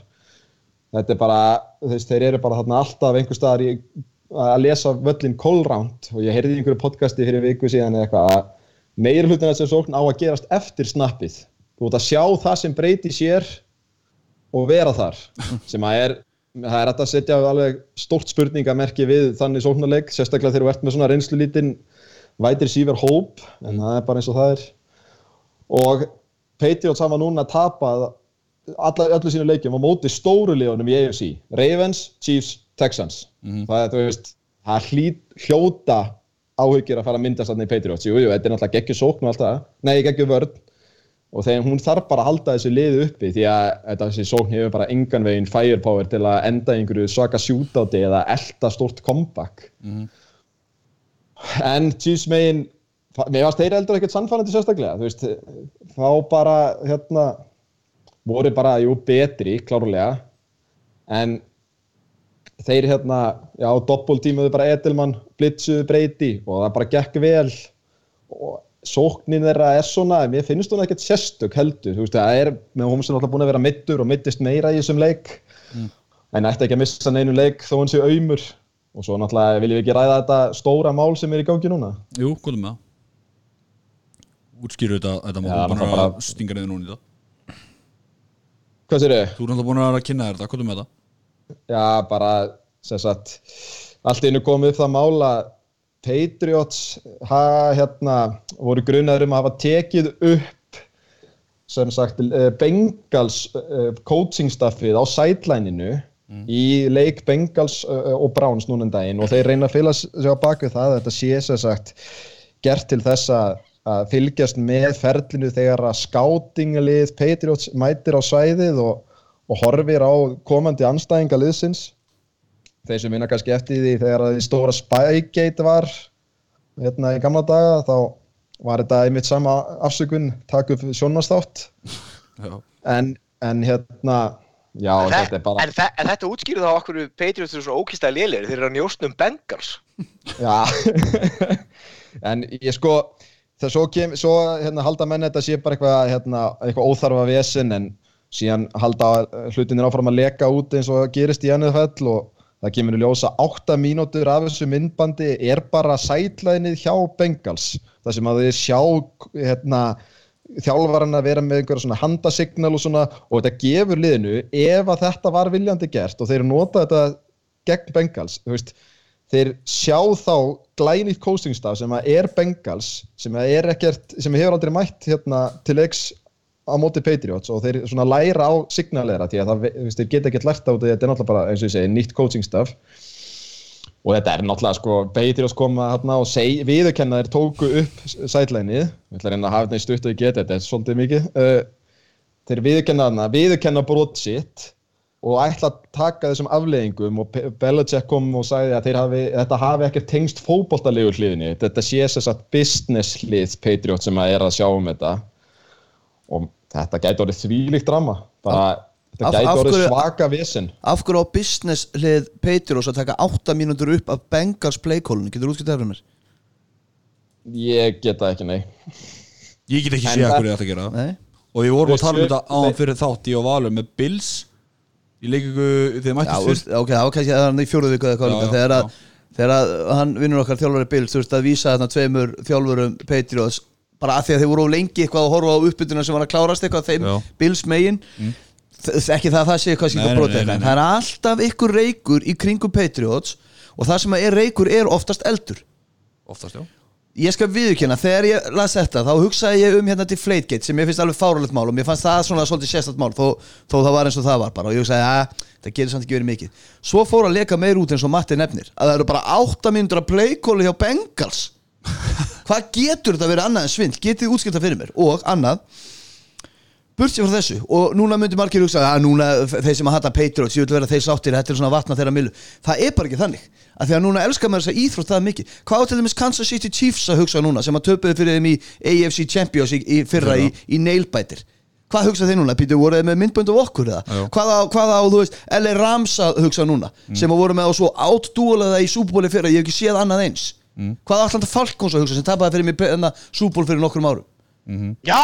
Nei, já. ég meina ángrís, ég meina, þú veist, hvað eru þið búin að vera að þessu lengi? Ég ætlaði ekki að pyrra mig þessu, sorry, ég ætlaði ekki að Nei, e- e- þetta er góð punktur, en, en ef þið sjáu Twitter í dag og þessa, þessa statement sem gaf út og talaðu um það að það sé allt tengslu við hennan, hennan þátt þarna do your job sem þið hefur verið að vera að sína þarna á undanfjörnum árum og þetta var allt tengst því skilur við, en ég bara skil 100% hvað Valur er að segja þetta, það sem er svona mikill reykur það hlýtur eitthvað að vera til í þessu og ég trúi því ekki að Patriots sé enn og aftur að fara að detti í einhverja svindl umræðu oh, ég hérna, já, bara til að klára þetta, þetta mál uh, hérna, bara pæli í því ef að þið hérna eru að taka upp Bengals 1-11 Bengals þá er ykkar helsta vandamál ekki að vera böstaðir því þið eru hafið þvíleikar áhyggjur af því sem er Nei. í gangi hjá þessu liði sko. Það sem ég les út úr því er að þetta er ekki fyrsta skist sem það gerist á tímpulinu ef að þeir eru teknið með að taka upp Bengals Já, þú veist, það er alveg hárur rétt að láta hugan þú veist, það er bara á fullkomlega rétt á sér, en þú veist, ég bara... Ég vona að ég hafi rátt fyrir mér og ég vona innilega að það komi ljós að þeir eru ekki að svindla að þegar þetta er stærsta franchise í dag í NFL og út af við fyrir deildina var þetta hræðilegt og þetta setur bara spurningmarki við Patriots franchiseið í heilsinni ef að þetta reynist vera svindl. Já, Punktur. og hérna, má ég klára hérna eitt, Já, sem sagt, þetta er náttúrulega, þú veist, Spygate þarna fórinn daga, þar sem að það var sko sektir upp á 750.000 dollara og first round pick, ef að þeir eru síðan bustar við þetta aftur, þá vil ég fá bara risa sekt, þú veist, það er eitthvað svona out of this world dæmi, sko. það er svo þér Þessi sekt gerir náttúrulega ekki neitt maður En er við, við ræðum alltaf ekki sektu fyrir en uh, Hvað? Saklus fyrir en, sönnuð klálega, og ég, meina, ég vona innilega að það komi ljós að þetta sé kjæftæði en ég bara sé ekki af hverju þú ert átt að mynda en það er hann En við ætlum ekki að vera lengi á þessu. Gef mér smá Chiefs hérna. Hann er búin að Það búin að gefa já, Búin að, Ok.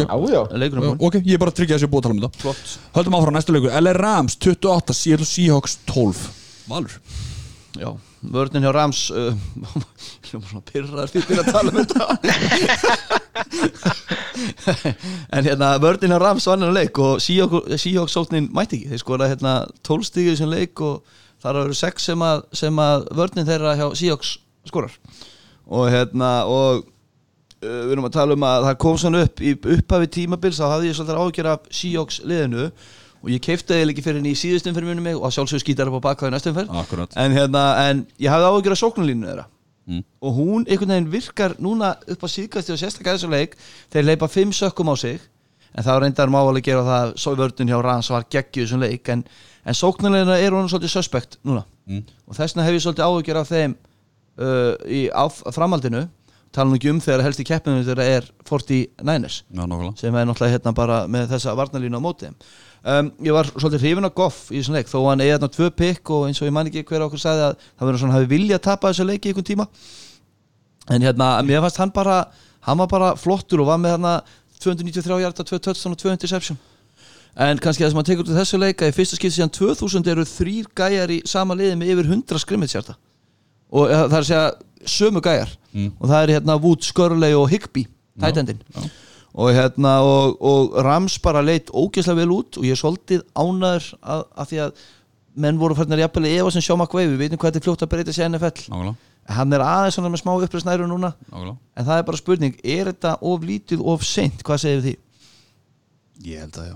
Þeir eru að fara að mæta fóttir ennins aftur allana En þeir eru með Cowboys úti, Niners úti og svo Cardinals heima. Já. Þeir eru ekkert að unni tvo af þessum veist það sem eru favorites en þeir eru klárlega underdogs á móti Niners. Mhm. en það er ekkert öruguleikur Nei. þannig Eitt lið sem er líklega búin að gefast upp á sísónu uh, Eitt sem er contender að fara alla leið Sem er kannski kvíla Og Cardinal sem eru bara sem þeir eru Cowboys er náttúrulega ekki búið að gefast upp á sísónu þeir eru ennþá í playoff Já, þú veist, ég er að tala um búin að upp á Já, þeir eru bara- skilurðu, já, ég- þeir eru það er það sem ég er að skinn skilur en hérna, en mér fannst, uh, sko eins og segi, mér fannst bara Rams miklu, þeir voru miklu betri í þessum leik. Já. og þetta var aldrei spurning og Seahawks bara mjög ólíki sjálfa sér að mörguleiti Mm.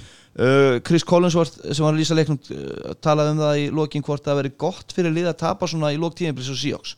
Að þegar þú vinnur endalaust í lok tímabils þá er alltaf veikleikar í liðinunni sem þú kannski spottar ekki fyrir nýjúslutakemni þegar þú kemur þangað. Já, Þannig að núna, ég meina, þeir þurfa að bæta sóknarlínu sína og þeir þurfa að gera eitthvað í sókninni og svo framvegis. Og hérna það er spurning hvort að þetta tap gæti verið ágætt fyrir Seahawks í stóra samhenginu. En vissulega missaður one seati til Niners, ég er ekki að skauta fram með því. Nei. En já, bara Wilson var slagur eða hvað segir maður til? Ég held að, bara, ég held að Pete Carroll sé nú ekki maður sem að horfi fram hjá mistökum einhvern veginn eða svona, að, þú veist, ég geti trúað því upp á einhver coaching staff en Pete Carroll er nú hvað elsti coachin í þessari deild. Mhm. Það er bara svona pæling. Já, já, en hérna, en bara Ég er mjög ánægður. Já, þú veist ánað, þetta var ágættisum fyrir Niners minn. En eins og segi, ekki, þetta var bara svona flottu leikur. Ég átti kannski vona meira frá Seahawks en Rams lítu mjög vel út og veist, ef ég held ekki með liði sem var í baráttu um að þeir myndi komast upp ef að mitt lík geti dott út fyrir þeim þá myndi ég 100% vilja að þeir myndi fara því ég hafi mjög gaman eins og Já. Höldum áfram og förum í síðasta leikin Það er Philadelphia Eagles New York Giants En uh, það er unnu Eagles 23-17 Óvittamleikur, Maggi Já, þetta var rosalega skrítin uh, leikur, Eagles þarna á heimavelli með bakið uppi vegg á móti slökuliði Giants. Og það var á köplum svona eins og Eagles vissu ekkert hvað það voru að gera. vildu ekki vinna, nefndi sér ekki. Sóknin skapaði akkurat ekki neitt og vörnin misti af tæklingu eftir tæklingu. Uh, ja, góðu fréttinnar ef að góða fréttir skildu kalla er það að Íla Manning er komin aftur. Við getum aldrei klappað fyrir því uh, og ég trúi eiginlega ekki að segja þetta en hann lúkaði bara nokkuð vel. Hann dundraði boltum um alla völl og í fyrraháleik hendi hann tveimur touchdowns á Darius Slayton og það setna var fyrir litlum 55 jördum þeir gjör svona elskuðu konan annan eins og lakrisur og appelsín Uh, Giants voru yfir 17-3 í hálfleik. Það segir allt um hvað Eagles voru ógeðslega lélegir í fyrir hálfleik. Uh, settu boltan mikið hendur á Barclay í setna hálfleik, hann tuði klukkuna og fleitti þeim ofar upp öllin en ekkert gekk að skora. Uh, Eagles setti svo í lágadrifið í lok þriða leikluta og hófa saksa á fórskotið fyrst hljóp Boston Scott boltanum inn og svo í blálókin hendi Carson Wentz á Örts og jafnaði leikin hendi í framleikingu þar sem Eagles vann hlutkestið Vents uh, var komið nóg og hendi í sigurkastið á Sack Örts uh, og þar með fór sem fór. Uh, ég veit ekki alveg með þetta Ígúslið, ég hef búin að, ég hef oft sagt að Ígús hefur mitt svona kannski lið nummið tvö lengi vel í NFL uh, ég var mjög spenntið fyrir þeim fyrir þetta tímambil en ég er eitthvað með það sem að bögga mig alveg svakala. Í þessu leik mistuði Alson Jeffrey sem að mittist í hásinn og Lane Johnson líka í meðsli. Uh, og þegar Alson Jeffrey haldur að velli það voru aðeins tveir útterjar eftir í lið Eagles. Og, og það minkaði svo niður í einn þegar Archega Whiteside var einni, fóð með ein, einni meittur út af. Uh, þetta aftur á móti opnaði sviði fyrir hlauparan Boston Scott sem ég hef, hafði alltaf heyrt um bara fyrir nokkuð umfyrir síðan sem fekk nóga targets í kastleiknum og greip þau öll. Uh, Vents leit, ill, uh, leit illa út framlega leik, var 11 uh, hefnaða sendingar að 19 í, í fyrirháleik með 97 kastjarta. Það vandi allt malt í hann, hann þampaði eina flösku í háleik og í lok fjóra leikluta var hann á eldi og svo eldur logaði fram í framhenginguna og það var til þess að þeir unnu leikin. Já, Sáðu leikistrókar? já, við tók hann Mér fannst Eli Manning Ég veist ekki, eru er við þar eða? Já, af því að mér fannst bara geggja hans að klára fyrirni líklega á 100%. sama stað á hann byrjaði. Og hann leit, hann, mér- það sem ég tek út úr þessu leik, eina sem tek út úr þessu leik af því að þetta eru bara tvö að lélustu liðið með deildinni og ég er að taka að jöfnu það er að manni geta hægt með smá reist Já. hann var ekki lélugur og hann tendir hann flott kostin á milli og ég vona innilega að Daniel Jones komi næst og þetta verður síðasta leikunars manni. Ok, já Sammála. Góður endir. Þessi leikur? Já, já, þú veist, hann, hann gerði En sér ekki fýbli hann fyrir þá endar hann fyrir 116-117 Já, það Í verður bara að hafa það. Það verður bara að hafa það. maður. Uh, Nei, Þetta var jættibli, þetta var jættibli, við getum alveg tekið framlýningu sem jættibli Já, svo sem, já, svo sem. Færum okkur uh, frá þessu og enda erum við búin að ljúka uppkjörnuleiku 14 Förum að skoðum aðeins þessa playoffs minn strókar uh, Gerum við þessu síðustu ykkur, byrjum AFC megin uh, eins og staðinu núna AFC megin þá eru Ravens, Patriots, Chiefs og Texans í fyrst sæti síndildum og aðeins Chiefs og Ravens múin tryggja sig í playoffs. Og wildcardið Bill Steelers og In the Hunt Titans, Browns, Raiders, Colts, Broncos í þessari röð. Eins og, eins og nefndum hann Titans er klálega lið sem við vorum alveg til að sjá farin í wildcardið og eru líklegir. Browns gætu farið baktra megin skettin er svona aðeins erfiðari ef svo maður segja og ég þurfti þurf líka að treysta það að Steelers misti í sig til að ég geti farið í hérna í wildcardið ég menna myndu þið skip, myndu skipta Bills út? Nei, við gerum það nú alla bara Fyrir Titans í Já, dag? já. Ég sé ekki af hverju ekki, þú veist það að segja Ég er ekki að segja ég vilja endilega en, en ég menna, Titans eru bara svo rosalega góðir. Þeir eru bara búin svo ógislega góðir undanfærið Mhm. Og þanga til að þið misti þessu og, og skýti hegið Þá hef ég bara fulla trúið skíti heið, flott já. Steelers eiga líka alveg frekar erfið að leika eftir, leiki eftir sem að gæti komið Titans inn Steelers eiga Bills og Ravens og svo Jets Já. og, og Titans eiga náttúrulega Texans líka tvisvar og hver er á milli, vitið þið það?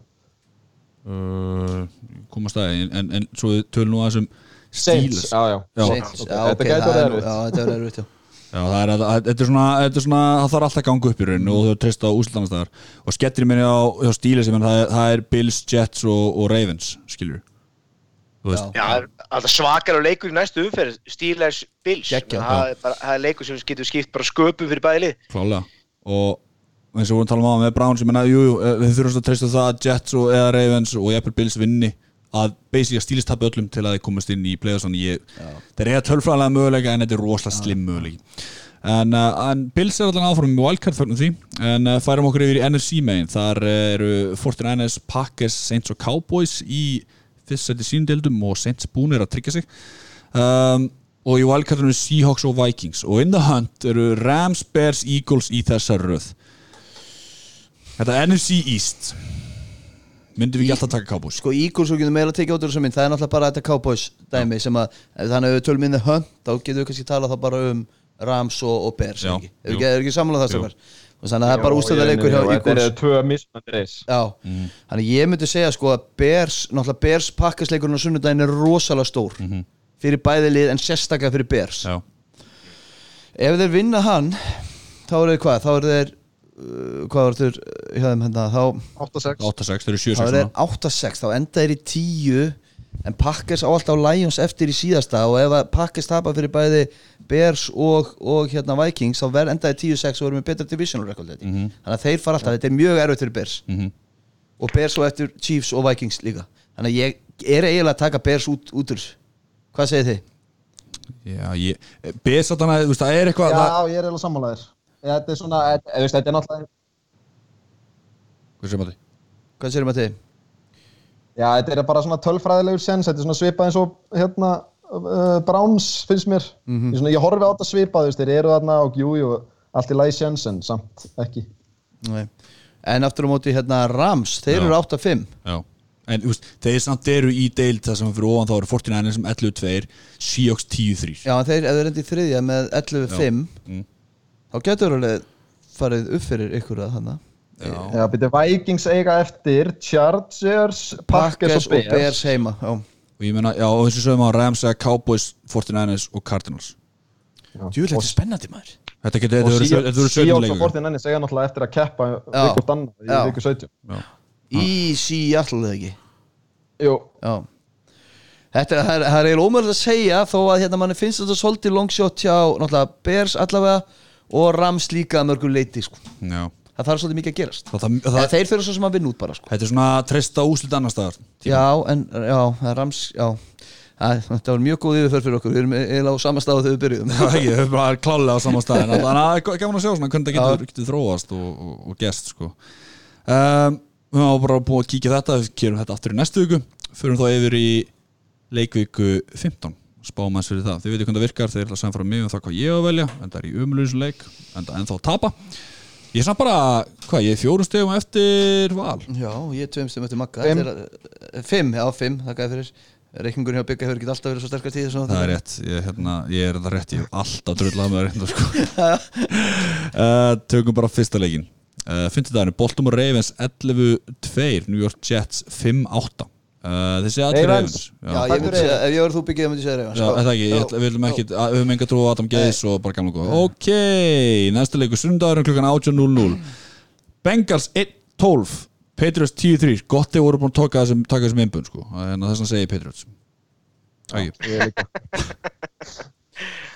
Það er ekki til þess að samfara núna. Uh, Næsta leikur uh, Detroit Lions 3-9-1 Tampa Bay Buccaneers 6-7 Þessi allir Bucks já, þeir eru bara ekki með sókn Já, já. þeir eru hvorki með sókn í World Lions og það er helviti lélitt í NFL sko. Já, það er ekki Já, neitt. og, og vinstur og endi að vera hendi ykkur 500 hjarta Pottit, pottit Hún líður vel innan þeirra uh, Næsti leikur sem að er mjög stórleiku, jafnvel trúleiku vikunar mætti segja það, allan einn aðeim Titans 8-5, Texans 8-5 uh, Ok, Kalli segir Titans Valur segir Titans, Matti segir Titans Maggi segir Texans. Maggi, akkur segir Texans Er Æ, Watson æ, Fyrir mér er þetta bara bæði liðin mm -hmm. úst góða á góðum degi. Þetta er bara típisku leikur sem getur dottið beggja með við og þú veist, uh, ég meina tæta á heimavelli og vissulega er eitthvað mjög sexy við þá eins og við tölum um áðan en ég er einhvern veginn að vona það bara sem Deshaun Watson maður að Texas taki þetta og, og svona syngi sig endalegin í úsleikefnuna Er Will, Þetta Fuller, verður gegg, geggja leikur sko, Er- shit, er Will Fuller með? Veitu það? ég held það Mér finnst það skipta máli um Lísu það er Það skiptir mjög mjög máli eftir það sem ég sá á bronkoslegin sko. og losa svo um Andy Andrew Hopkins. Titans. Ég myndi taka Texans verður þú. Hvað að því að, að þetta er leikur sem getur fallið begja megin og þú þarf svolítið að vinna upp. Og ég meina þú stendur Þú sagði Titans sko. Já ég sagði Titans, ég veit að Okkur og ég þá segja Texans? Að því að til að þú vinnið upp á mig þú ert vandalega að reyna á Hvað mér. meinar þú, Valur? Það er allir góð, það er ekki ekki, ekki til að bara skilja ég, veistu, ég ætla að halda í treyðu minn mann RT17, ég að segja Titans. Ok.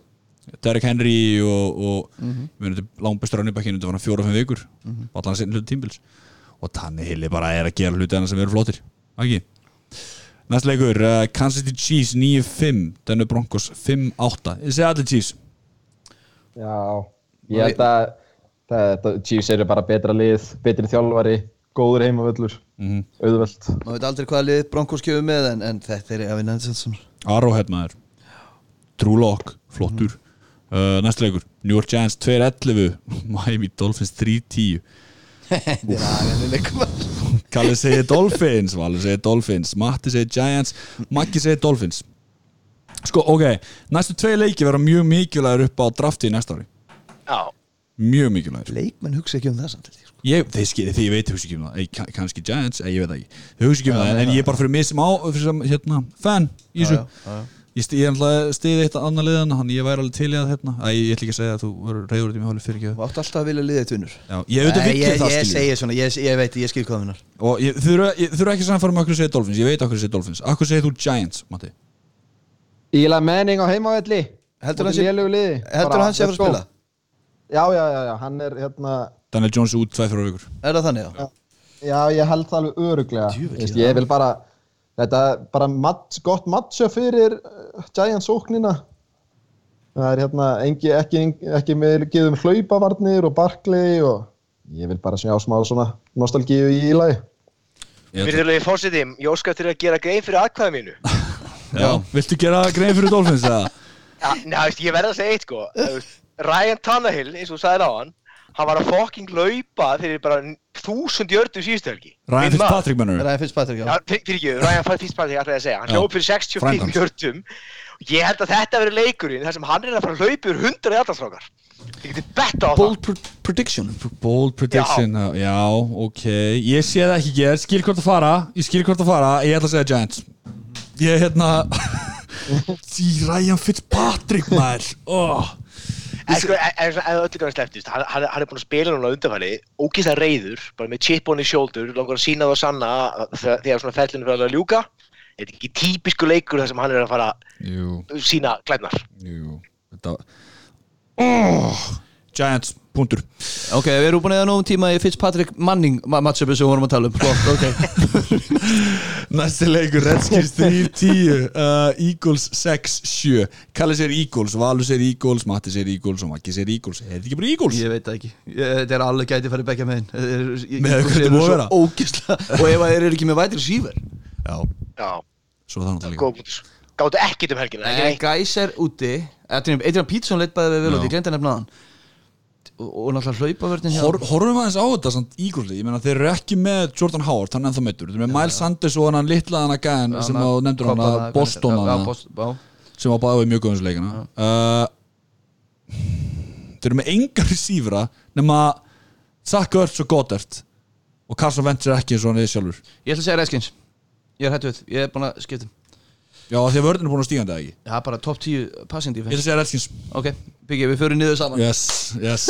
Uh, Ég segir Redskins, Kalle segir Eagles Val segir Redskins og þitt þið segir Eagles. Okay. Ég ætla að gera grein fyrir mólikar Nei, nei. nei, það er svona leikur sem að vallar er að horfa á fyrir já, nákvæmlega. Næsti leikur uh, Panthers 5-8 Seahawks 10-3 Þetta er bara Seahawks lína Ég, hérna Það ég, er umulegt að við séum að tala um Seahawks Panthers í viku 15 og hann skiptir engu máli fyrir Panthers Eða, máli. veist, Þetta er bara svona Það er synd. Er já. uh, Við segjum Seahawks lína Við viljum ekkert að ræða Panthers Þetta er bara Synd með Kristján McCaffrey líka Ég var til að sjá hann í playoffs Já, sammála. Næsti leikur uh, Packers 10-3 Bears 7-6 Kalli segir Packers Matti segir Packers Maggi segir Bears Valur er uh, blank Ég vil heila frá Magga og Matta af hverju þið segið Bears, að Maggi af hverju segið þú Bears og Matti af hverju segið þið Packers bara, ég skal byrja, þú veist, bara aðeins ég sá hann, þetta er svona, hérna, þú veist, Pakkars leit uh, bara lítið vel út, ég er ótt ána með það, en, en Trubisky var sexy í síðasta leik, hann var flottur og ég er einhvern veginn að svona, hvað sé, haldi þá vona, hann sé svona núna að koma öflugur inn í lok tímabilsins til þess að reyna að koma þeim í ykkur úrslita einvís umræðu. Og hérna, það er það eina skilur en Packers er miklu sigurstrangari og ég held að enginn er að hlusta á mig og betta á eitt eða neitt. Þetta, ver, ég, þetta er tíu búst líka og best vinni. Matti, Ja, Stöðlinn á er 2,82 ég hefði giskað að verið að herri sko en já, þetta er bara Lambeau Field, Rodgers er nú alveg góður í að vera klöts þegar hann skiptir máli og, og hérna ég hef bara trú á því að hann þetta verður kannski ekkert auðveldur sigur, alls ekki en ég held að hann taki þetta samt. Ég, bara, ég hef trú á þessum heimavelli og, og þessi vörð, næ, ég veit það ekki mér er bara pakkist betra liði yfir heldina ég er búinn að segja Bears Ég er bara minnstur viski, stígandi. Hann heitur. Næja, valið mér Já, ég ætla, ég ætla að segja Packers? Já, bara að ég, bara upp á okay. Alltaf að segja þitt enga lið. veginn 100 Þetta er 50 leikur um ég, ég sé Bears. Ég, ég trú á Ég trú á líka á þessu, hérna Nagi, ég er svona, stígandi í hans hérna playkonuleik. Sunnudagurinn kl. 9 Það er Chargers 5-8 Vikings 9-4 Þetta er bara Vikings og lína Já, ég meina Af hverju samt, maður veit ekki hvað eh, Chargers Veistu ekki hvað fara á Chargers? kemur, Nei. En, og Þetta er nefnilega uh, Coolbet er með þetta líka mjög áhugaverðan. Þetta er Minnesota Vikings 1,68 á móti 2,25 og ég held að veist, þetta er alveg jafnara Já, en ég er grunar því. að Chargers náttúrulega lúka freka vel hann í, í er bara Chargers er ekki Veist, þetta er bara, þetta er búið að vera svona smá chaos með Rivers og veist aldrei hvað fær frá hann við erum að tala með Winston, þetta er líka saman Rivers hann er bara, hann er gáðin 38 Ég ára og þú veist aldrei hvað fær frá hann og Hann er fann lítið út á þessu 38 ára. Þannig að ég, ég ætla að segja Vikings líka. Ég, hérna, ég, mér langar að segja Chargers samt en ég ætla að segja Vikings. Næst leikur Raiders 6-7, Jaguars 4-9 wow, hvað er leikur Raiders maður. Úf. næst leikur Cardinals 3-9 Browns 6-7 Úf, Browns. Ah, Hvaða leikir eru þarna sem er? Þetta er ógeðslega leiður leikum maður Já, Viljið eitthvað ræða þetta? Viljið við eitthvað ræða þetta? Er það ekki bara synd? ég var ræðið eitthvað Jú, ræða það Næsta leikur, það er uh, Cowboy 6-7, Rams 8-5 Þetta er áhugaður leikur Kalli mjög. segir Rams uh, Valur segir Rams Va- Matti segir Cowboys, Maggi segir Rams Ok, byrjum á Rams Af hverju segir Rams, strákar? Þegar ég hef hort á Kábús meir en ég hef uh, bara þóri uh, lengur sko. Ok, Þetta er alveg, uh, Kábús lítið umöl út og Rams lítið mjög vel út síðast en Rams er búin að vera alltaf ömulegi bara framan af en er eitthvað stígandi í þeirra leik núna og ég held að það verði bara vonandi skemmtilegu leikur. En talandu coolbet þá er það með nýfjafna hérna stöðlaðir 1.95 á Cowboys og 1.90 á Rams. Já. Og er það heimaðlur hana? Já, Nei, nei, nei, já, jú, já, og þó. Ok, af hverju segir Cowboys, Matti? Sko, það er góð spurning. Uh, Hérna bara, ég, þú veist, þegar ég er með svona jafna leik þá finnst mér oft það er að taka heimavöllin og uh, Cowboys eru náttúrulega búin að vera svona í skít upp á síðkastið og mér er svona líður eins og þeir eigi þetta pínu inni. Ég held að þetta gæti alveg verið leikur með fullt af stigum. Mm Ég er og búin að þetta gæti, ég, held að þetta endi bara með þú veist, fylgóli undir lokins í sikkur áttina og ég bjóst ekki við því að, yrði, að ég erði einn með hennar leik ef þú velur Rams en held, mér finnst þetta bara ótrúlega jafn leikur. Og ég held að hann gæti orðið virkilega skemmtilegur. Tvær svona, þú veist, sóknin hjá Cowboys á það til að vera ótrúlega skemmtileg á meðan að Rams er það náttúrulega líka núna. Ég, ég ætla að segja Rams. Ég hef enga trú á Jason Garrett. Ég er bara, ég er bara einhvern sem að þetta sé bara búið hana hjá honum. Og það, það er búið skilju En þú veist, þetta er bara, leikmenn eru bara hættur að trú Trói, Eikmann komið góðan punkt í daginn. Þú veist, það er enginn í coaching staffinu sem að getur tekið við á hann. Nei. Þess uh, Veitu, Næstu, er ekki, er ekki menn búin að tala um það að arftækin sé þarna í offensive coordinator, Kellen Moore. Það var áður en að þeir bara fóru að skýta upp á bak. Það er ángriðis, það var bara í en byrjun tíma defensive coordinatorinn er alltaf hérna í einhverju svona viðtölum eftir leiktíðina, það hefur aldrei verið ráðinn en hérna, Vörnir er bara búin að slökja hann líka. Já, hvað heitir hann aftur? Man það ekki. já. Hjá, hjá Cowboys? Já, Já, defensive coordinator, son of a bun maður, okkar maður. Nei, hann er í Rams Hann er í Já, Rams. já, fyrir ekki, fyrir ekki, já. hann var þjálfari hjá þeim fyrir 15 árum að geta. Já, nákvæmlega, ég segi, ha, er galið Herru, ég með þið finna á næstu leikur 49ers 11-2, Falcons 4-9 uh, Allir segja 49ers, Maggi segja þetta Shanahan. Maggi, ég elska Maggi getur ekki skrifað hittlið á móti Falkos en hann skrifað sjana hann Já, hann bara var að gera það. Ég, na, ég segi 49ers Þetta er, þetta er, ef ykkur kann á, á Falcons núna þá var, var að Já, ég sko, Það eru en fleiri. ég var bara segja með Shanahan Shanahan er að fara að klára ferilinn hjá Dan Quinn hann Það hann formulega Það er Það er- svoleiðis. þetta- ok. Þeir tapa með 50 stíðum Já, áhugavert. Uh, Sundag primetime. Sko ég, fyrir nokkru ykkur síðan að ég sagt bara ugh, Já, ég samanlega En þetta er mjög góð primetime leikur. Það er Steelers 8-5 Bills 9-4 Já. Úf Hann er kannski ekki svo skemmtilegasti. Nei, en það er svo mikilvægur. hérna, Hann er mjög mikilvægur. Ok, Kalli segi Bills, Valur segi Steelers Maggi segi Bills. Uh, Ég mun alltaf segja Bills þú veist, Það er, veitamál, ég ætla að skrifa bara Bills Og Matti skilur blank. Ég, 2-15 á Bills á Úf, Sexy ok, akkur segir þú Steelers? Vörnin. Af hverju, já, bara vörnin og heimavell og það er rytmi í þessu og bara vel þjála lið Já, ok. Við sem Bills út af hverju Maggi minn Tjú, tjú Takk fyrir það, það þarf ekki að vera flókið.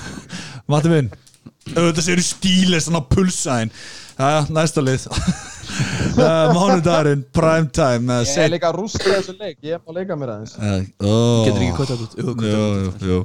Mánudagur, primetime uh, Saints 10-3, Colts 6-7 Þetta er bara Saints Ekki Jú, þessi leikur einmitt fyrir öfugt við hérna Bill Steelers þá fyrir nokkru vikum hefði þessi leikur bara tjúvillakætt til þess að þennan leik.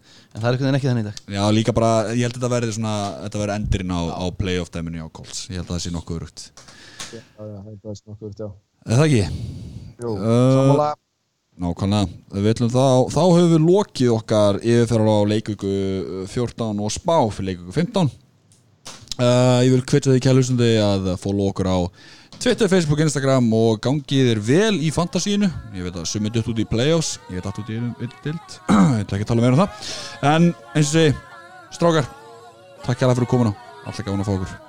Sérstaklega þegar að það er vissulega stormur og þetta ársins. komist við heim. Já, komst þið heim. Annars þá bara hérna vona ég Björgun sem við gáum gott sjátum daginn koma segur Nei, ég segi svona. Uh, Ég heiti Birgir Þórun, 10 hjartanir, takk, takk, bless, bless